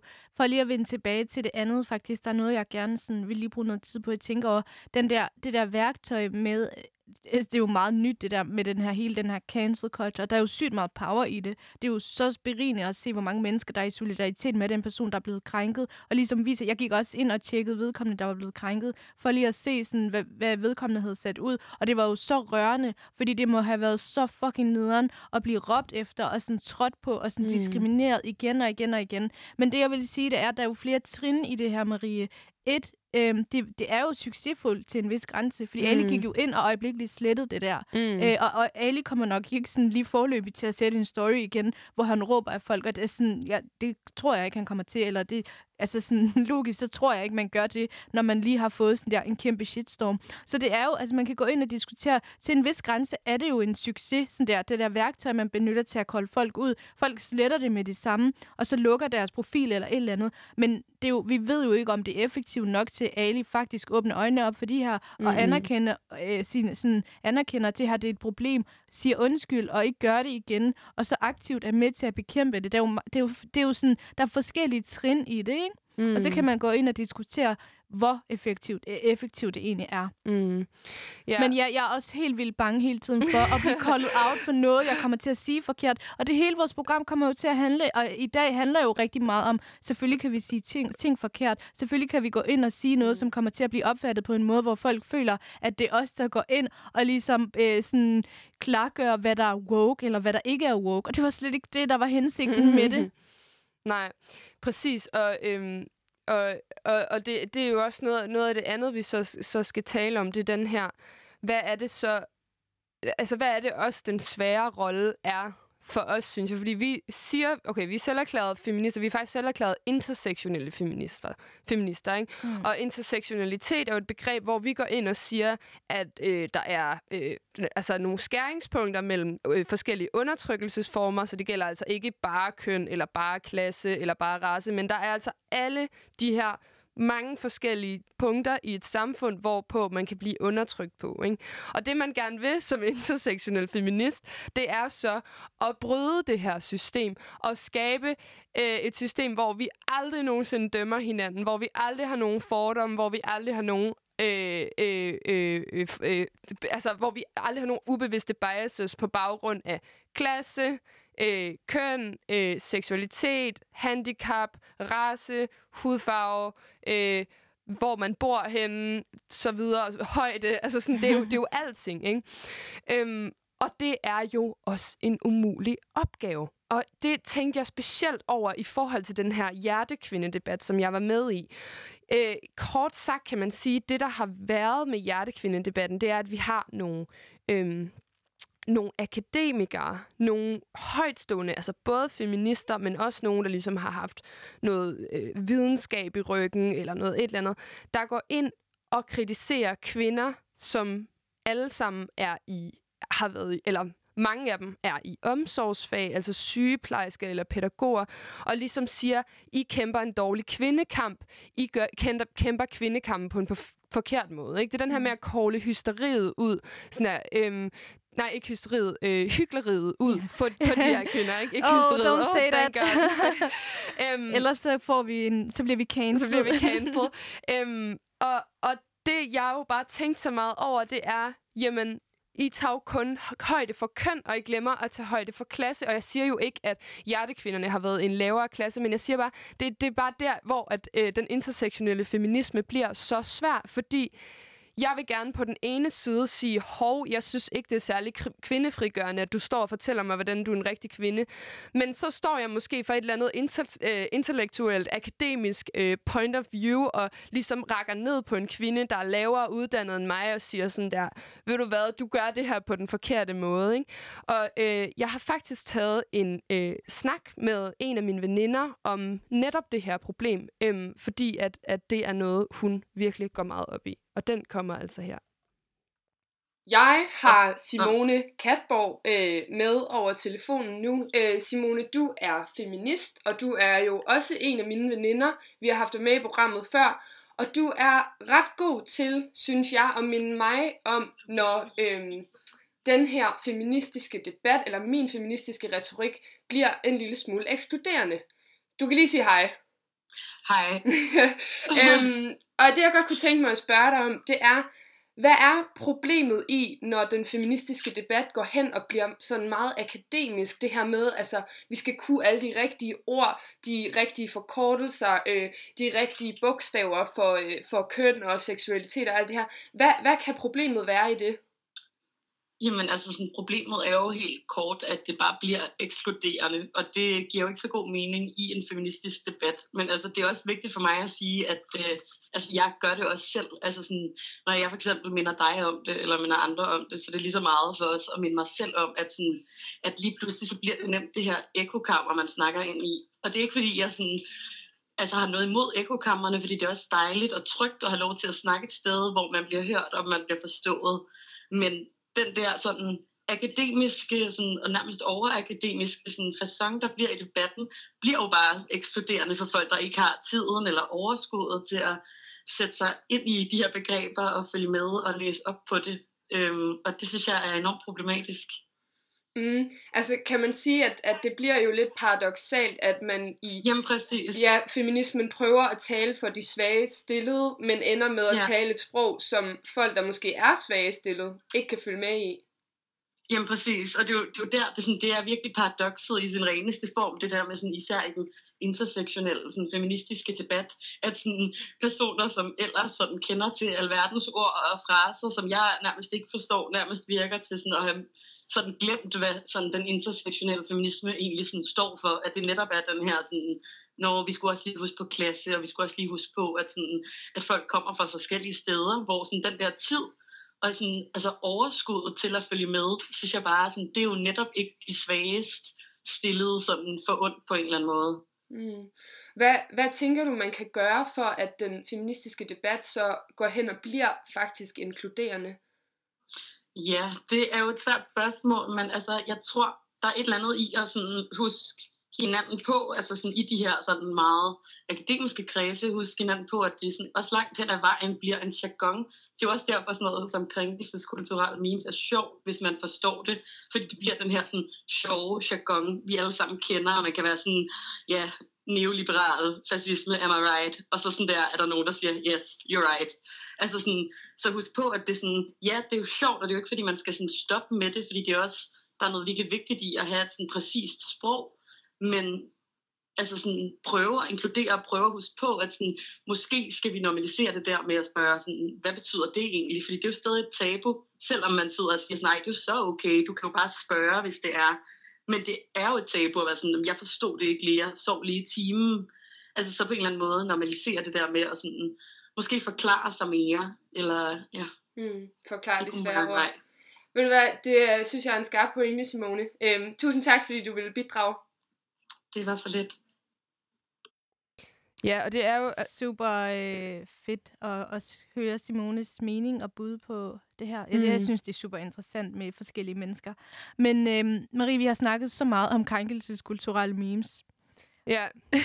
ja, måske skal vi lige sige, hvad det Hvem- er. ja, hvad eller er det? Sådan, det er jo, det, altså, krænkelseskulturelle memes er en memes og skud ud. Eller, nej, det ved jeg ikke. Det ved jeg ikke. Jeg, jeg, jeg følger krænkelseskulturelle Det gør memes. jeg også. Og, og, og, og trives jo i det. Jeg Ja. synes jo, det er virkelig Det sjovt, fordi det taler ind i mit virkelighedsbillede. Det er en meme-side, som caller ud. Ikke? Den siger, øh, fuck øh, ham her, han er en sexist. Fuck hende her, hun er racist. Fuck, Fuck dem Anders her, de er Hemmingsen. et eller andet. Og fuck Anders Hemmingsens humor og alle de her ting. Mm. Og jeg synes jo, det er sjovt, fordi det stemmer overens med mit verdensbillede. Mm, med mine værdier og mine egne holdninger. Ja. Jeg bliver ikke provokeret. Til gengæld, jeg ser det og føler mig fri, fordi det er de ting, som jeg faktisk synes, men sådan, jeg er ikke skabt til at lave memes. Jeg har ikke sådan der nok øh, følgere til, at folk gider at dele det. Og så sådan, jeg føler bare øh, k- krænkelseskulturelle memes nærmest sådan der... Øh, altså, jeg kan virkelig se mig selv i de der memes. Jeg synes, mm. det er sjovt. Altså, øh, basically kort sagt. Men det er jo også det, er jo, det, er jo det der er Simones pointe her. Det er, at det er den intersektionelle feminisme. Det er jo den, vores indgroede kompleks, eller sådan paradoks. Ikke? Det er det her med, at vi kommer til at gøre vores egen debat ekskluderende. Måske for folk, som vi gerne vil have, Ramme. vil ramme. Ja, ikke? præcis. Og det gælder jo, og det, det tænker jeg faktisk, vi kan overføre også til vores anden diskussion om, hvorfor går det altid galt mellem feminister og ikke-feminister. Debatten er også ekskluderende for måske kan man næsten sige majoriteten, mm. eller i hvert fald det, som Kasper også sagde tidligere, alle dem, der sidder i midten. Altså, så den bliver ligesom både den er, lig- det, der er et problem, når vi der er et problem i, når vi ikke rammer, øh, når vi kommer til at ekskludere folk, fordi det bliver for akademisk, og vi så ikke rammer dem, vi faktisk snakker om. Der er også et problem, når den bliver så intern, at vi faktisk slet ikke rammer nogen Mm. mm. andre end hinanden. Mm. Og ved du hvad, Marie, i går, eller i, øh, da inden jeg skulle i seng, så kom jeg til at tænke på noget, vi to vi sagde til hinanden. Mm. Jeg sagde til dig, tænk hvis en person, som faktisk har feministiske holdninger, som ikke går ud og ligesom erklærer sig som feminist, men har de her sådan, holdninger og sådan, øh, opdrager sit barn sådan, til at se det gode i alle mennesker opføre sig ordentligt, alle mennesker er ligeværdige. Mm. Tænk hvis den her person sidder med sin telefon, og så lige falder over den her meme-side, det spurgte jeg dig om. Mm. Hvad synes du så? Vil personen ligesom også tænke, wow, fuck det her, det er så grineren, sender det, skynder sig at sende Mhm. det til alle sine veninder, og sådan, ej lol, det er så ægte. Eller vil personen faktisk blive sådan der, øhm, hvad kan man sige, frastødt og tænke sådan der, hold da kæft. Altså, man bliver nærmest Ja, ja, bange. Man bliver sådan, øh, den næste, der får en sviner, det er mig. Den næste, der bliver called out, det er mig. Sådan, Mm. Hvad tror du? Altså, vi kan jo ikke sige, men jeg spørger dig bare sådan, hvad tror du, sådan en person, som han også siger, alle de her mennesker i midten, tror du, de Mm. ser det der og trives i det, eller sådan, bliver de bange? Nej, nej, det tror jeg da ikke. Altså, jeg tror da, øh, øh, jeg tror da vildt mange mennesker synes, at det er helt vildt øh, åndssvagt, og det er forkert, og det er alt muligt. Altså, sådan, jeg tror, at, at, at det, som triangelskulturelle memes kan, som vi også har været inde på, det er at øh, give noget empowerment til ekokammeret måske. Mm. Altså det der med at hjælpe os med at holde ild i vores aktivistiske kamp. Jeg tror, da, altså, jeg tror ikke, at de kan øh, udbrede en, en holdning til folk, der ikke er enige med dem. Mm. Øhm, men jeg tænker, at, at, at det der med sproget, for at vende tilbage til det, så er for at øh, lige give et slag for det feministiske sprog. Altså, hvorfor bliver sproget så sådan her? Hvorfor kan vi ikke bare snakke om de her problemer på et mere sådan der, øh, la- hvad, hed, hvad hedder det, sådan der, på et mere down-to-earth niveau, eller sådan. Og det er jo fordi, at når, når du er feminist, når du er systemkritiker, så er sproget altså en del af det etablerede. Mm. Det vil sige, at min holdning som feminist er jo, at sproget er med til at undertrykke os. At vi har indgroet undertrykkende ting i vores sprog. For eksempel, at vi har et begreb, som hedder tøsepige, din tøs, eller et eller andet. Altså, så hvis vi kan ligesom ikke komme ud af det. Vi kan ikke få præg, ja. ligestilling uden at gå ind og danne et nyt sprog. Mm. Og det er jo så klart, at det er de mennesker, der har tiden, der har uddannelsen, der har alle de her til at danne sproget, der kommer til at ende med at gøre det. Øhm, så jeg tænker heller ikke, at vi kan sådan der fuldstændig afskrive det feministiske sprog. Det samme som alle os, der ikke synes, at to køn er nok. Vi bliver nødt til at gå ind og opfinde nogle fucking ord for de andre mm. køn, så, fordi der ikke er nogen i vores Ja. sprog. Ikke? Jeg har en flydende seksualitet. Præcis. Der, vi bliver nødt til at finde nogle andre nye ting, som vi fremadrettet kan definere os selv og vores identitet ud fra, Mm. og ligesom gøre op med det gamle, fordi ja, det er, kon- altså sådan, det er en Mm. konstruktion. Der findes ikke kun to køn. Mm. Det er i hvert fald det, vi mener, det, ud fra Ja. vores hjerne, vores verdensbillede. Ja. Men, Og øhm, det er jo så det, hvor at Simones pointe er ret god, men når vi så bruger det her sprog, så skal vi bare være fucking opmærksomme på at gøre det normalt, at gøre det, tage det ned til jorden for alle dem, der ikke er med endnu. Ikke? Lige præcis. Øhm, så, så spørgsmålet i hele det her, det vi prøver at komme frem til, det er, hvorfor bliver feminister så uvenner med andre feminister? Og jeg tror, at jeg tænker, at øhm, det er jo fordi, at feminismen ikke er komplet. Feminisme er systemkritik. Feminisme er jo en kritik af et samfund, der ikke er på den måde, vi, vil, vi skal have det. Men feminismen har jo ligesom aldrig, eller den feminisme, jeg kender til, har aldrig stillet et ligesom svar op for, hvad er det præcis, der, hvad er det præcis, man skal gøre? Og det kan man Mm. jo selvfølgelig sige, det er jo så det, vi måske kommer til at gøre, når vi stiller os frem og siger, hvad der er woke og Ja. et eller andet. Men jeg tænker, at der er ikke nogen, der er jo ikke noget svar, der er rigtigt eller forkert, fordi det handler om politik, det handler om mennesker, det handler om samfund, og det er bare Øh, øh, pisse hammerne svært at finde rundt i. Lige præcis. Og på et tidspunkt, så plejede jeg faktisk, sådan der lige der, hvor jeg blev feminist, så sagde jeg seriøst bare sådan, øh, feminisme for mig, det er, at, at alle kvinder skal have lov til at gøre, som de har lyst til. Men det er jo det, der gør feminister uvenner. Så mm. de er sådan, Mhm. ja, men du er jo ikke en feminist, fordi du går jo med burka, og der, der er så mange mennesker, der bliver tvunget til at gå med burka og bliver sådan decideret undertryk, og det er et undertrykkende symbol. Og så er der andre, der peger fingre og siger, Nå, er det så feministisk, at du står der og øh, flasher dine bryster og dine nipples? Hvad gør du egentlig mm. for Mm. den her kamp? Sådan, det, det, er jo, det, det er jo lige præcis Så- det, der ja. er sådan... Og vi er sådan enige om, hvad der er forkert, men vi er bare ikke enige om, hvordan vi, hvad der så er rigtigt, eller hvad man så skal gøre ved det. Nej. Øhm, så jeg, jeg tænker, at man kan jo klart kritisere feminismedebatten for det her med, at feminister rottede mod andre feminister. Så tænker jeg altid på det her øh, quote i Hunger Games, der er sådan der, remember who the real enemy is. Lige ikke? præcis. Så kommer vi til at bruge alle vores tid, al vores tid på ligesom at i ret sætte hinanden, i stedet for sådan der kæmpe, bekæmpe patriarkatet. På den anden side vil jeg dog sige, at jeg tror også, at der er en positiv ting i det her, fordi vi lever også, når vi lærer, og noget man også tit siger i, øhm, i den feministiske debat, er det her, if you're not uncomfortable, you're not listening. Mm. Og det er selvfølgelig også... Øhm, det, det tror jeg bare, når man tænker, når hvis du gerne vil lave noget om, så bliver du nødt til at gå ind og kritisere og være selvkritisk jo faktisk, og være kritisk over for din fellow activist, mm. fordi ellers så kommer vi jo ikke nogen vej. Og vi kan, der er jo ingen, der har svaret på, hvordan øh, den perfekte verden ser ud, men vi har en masse holdninger til det, ikke? Lige præcis. Og øhm, ligesom Tessa også siger, hvis du ikke er med mig, så står du i vejen for mig. Men er det virkelig? Altså sådan, we are all in this together. Who the... Altså sådan, jeg har jo i mit personlige, sådan, i min omgangskreds, der er der forskellige former af, sådan, hvordan folk øh, dyrker den her feminisme. Og der er jo sygt meget sådan der beef, og folk bliver uvenner, og folk bliver sådan, shamer hinanden. Du er ikke en rigtig feminist, du er ikke en rigtig feminist. Og det hele, det er jo på grund af nogle småfejl. Hvis man nu sagde, okay, fint, øh, det kan godt være, at jeg er kommet ud til at lave den her video, som måske nogle andre feminister ser og føler, selvom de ikke engang har kommenteret, det kan være, at der er nogen, der har set det og tænkt, hvad fanden laver du, mand? Sådan, Mm og sådan, det, det, det skal ikke cancele hele min sådan der Mhm. feministiske kamp. Det er okay, der er plads til, at nogle gange, så kan man godt gøre nogle ting, som for andre kan blive taget imod på en problematisk måde. Mm. Det betyder ikke, at hele min kamp bliver slettet. Det betyder ikke, at jeg har frafaldet feminismen. Nej, men måske kommer vi til at lære noget af det. Ikke? Mm.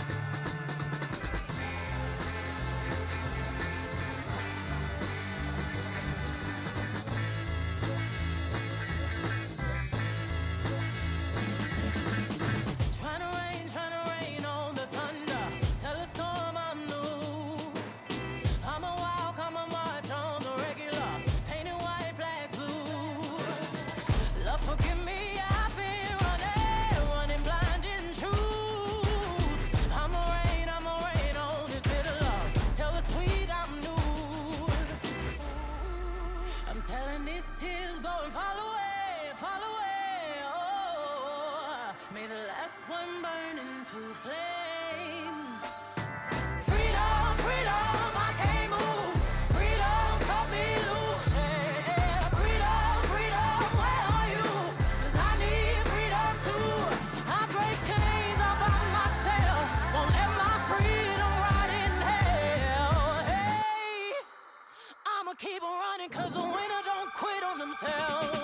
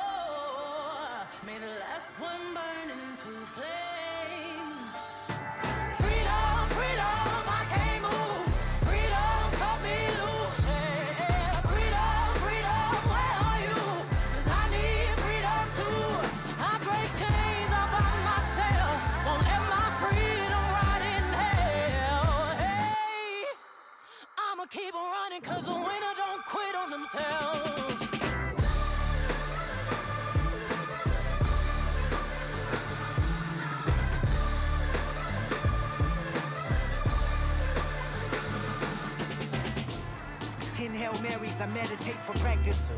Channel 9 News tell me I'm moving backwards. Eight blacks left, death is around the corner. Seven misleading statements by my persona. Six headlights waving in my direction. Come on. Five O asking me what's in my possession. Yeah, keep running, jumping the aqueducts, fire hydrants and hazardous smoke alarms on the back of us. But mama, don't cry for me, ride for me, try for me, live for me, breathe for me, sing for me. Honestly, guiding me, I can be more than I gotta be. Stole from me, lied to me, nation hypocrisy, code on me, driving me wicked. My spirit inspired me, like yeah. Open correctional gates in high desert. Yeah. Open our mind as we cast away oppression. Open the streets and watch our beliefs. And when they carve my name inside the concrete, I pray it forever. Freedom, freedom, I can't move.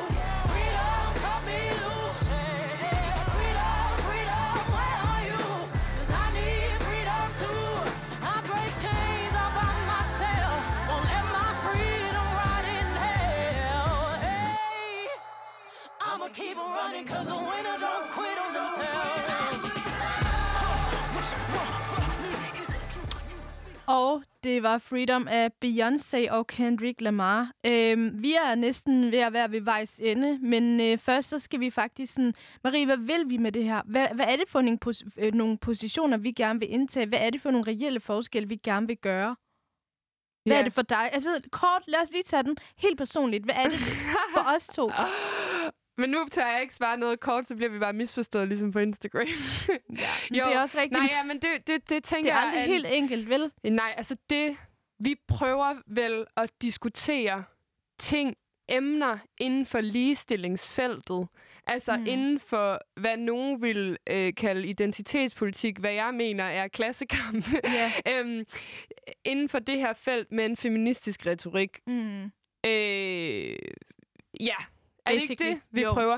Men, men spørgsmålet er jo så, hvad der er den her feministiske retorik, og det, der jo også, det vi jo også har været ude at undersøge, det er, øhm, at der, er- altså, der er jo forskellige ting, man kan, du kan sagtens kæmpe for ligestilling og ikke mene de samme ting, som vi gør. Det kan man jo.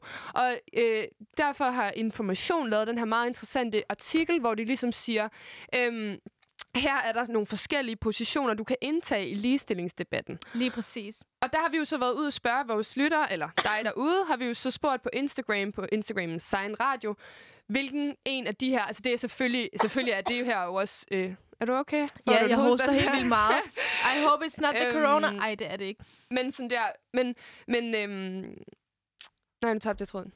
Liste, altså indtage positioner. Vi har spurgt vores lytter, eller hvad hedder det, vores Instagram-følgere og lytter, hvad er det for nogle positioner, man kan tage, og hvad de hælder allermest til. Hvad de hælder til, ikke? Ja. Også fordi, at der, selvfølgelig kan du indtage mange flere positioner end de her fem, som information stiller op.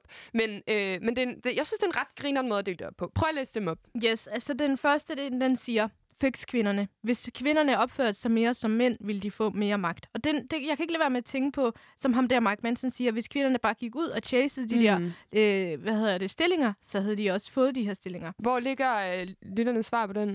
Øhm, det, den er lige... Ja, der er ikke så mange. Den er sådan lige på sådan, øh, neden, altså sådan næsten Ja. kvartdelen af skalaen. Så der er ikke så mange, der hælder til den. Og det er den første. Men, der, jeg, men nå, skal vi diskutere dem bagefter? Det er fordi, jeg tænkte, at, at jeg kan faktisk, i- da jeg læste alle de her forskellige, så tænker jeg, at jeg kan faktisk godt tage mig selv i at mene lidt af det hele. Fordi jeg synes også, jeg synes ikke, at øh, det er kvindernes problem. Nu handler det, nå, vi skal nok også lige sige, at den her test handler kun om øh, kønsligestilling, altså ligestilling mellem mænd og kvinder, ikke?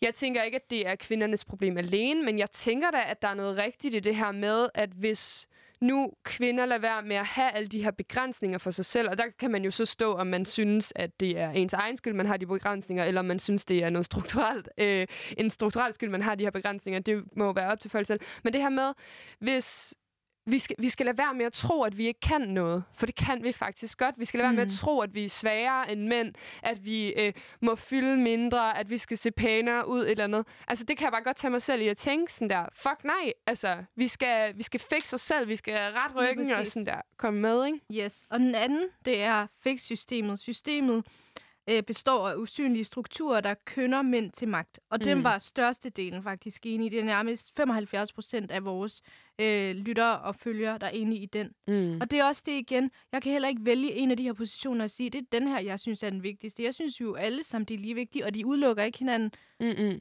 Men den synes jeg, den, det er vel nok det som feminister, at vi går mest ind for, tænker mm. jeg, er det her med, der er et system af nogle usynlige ting, som for eksempel gør, øh, jo, to mennesker, en mand og en kvinde, får måske det samme i løn på arbejds, en arbejdsplads, men måske har hun skulle kæmpe hårdere for Ja. det, eller måske får de ikke det samme i løn, men så er det, fordi hun ikke har søgt en lige så høj stilling, men så er der nogle begrænsninger, der har gjort, at hun så ikke har søgt den, osv. osv. Ikke? Altså det her med, at vi kommer til på en eller anden måde, ubevidst kommer vi til at mene, at mænd skal have mere magt end kvinder. Ikke? Hmm. Og det tror jeg, at det vi jo mener mest. Er det ikke det? Eller Jo. hvad? Jo. Det er altså personligt. Igen, ja, I don't wanna be understood. Men personligt. Mm. Øhm, tre, regulere ved lov. Ligestilling kommer ikke af sig selv. Vi skal indføre kvoter, vi skal have øremærket barsel og andre tiltag ved lovgivning. Og øhm, der er sådan 60-65 procent, der har været enige mm. Med, øh, sådan, i den.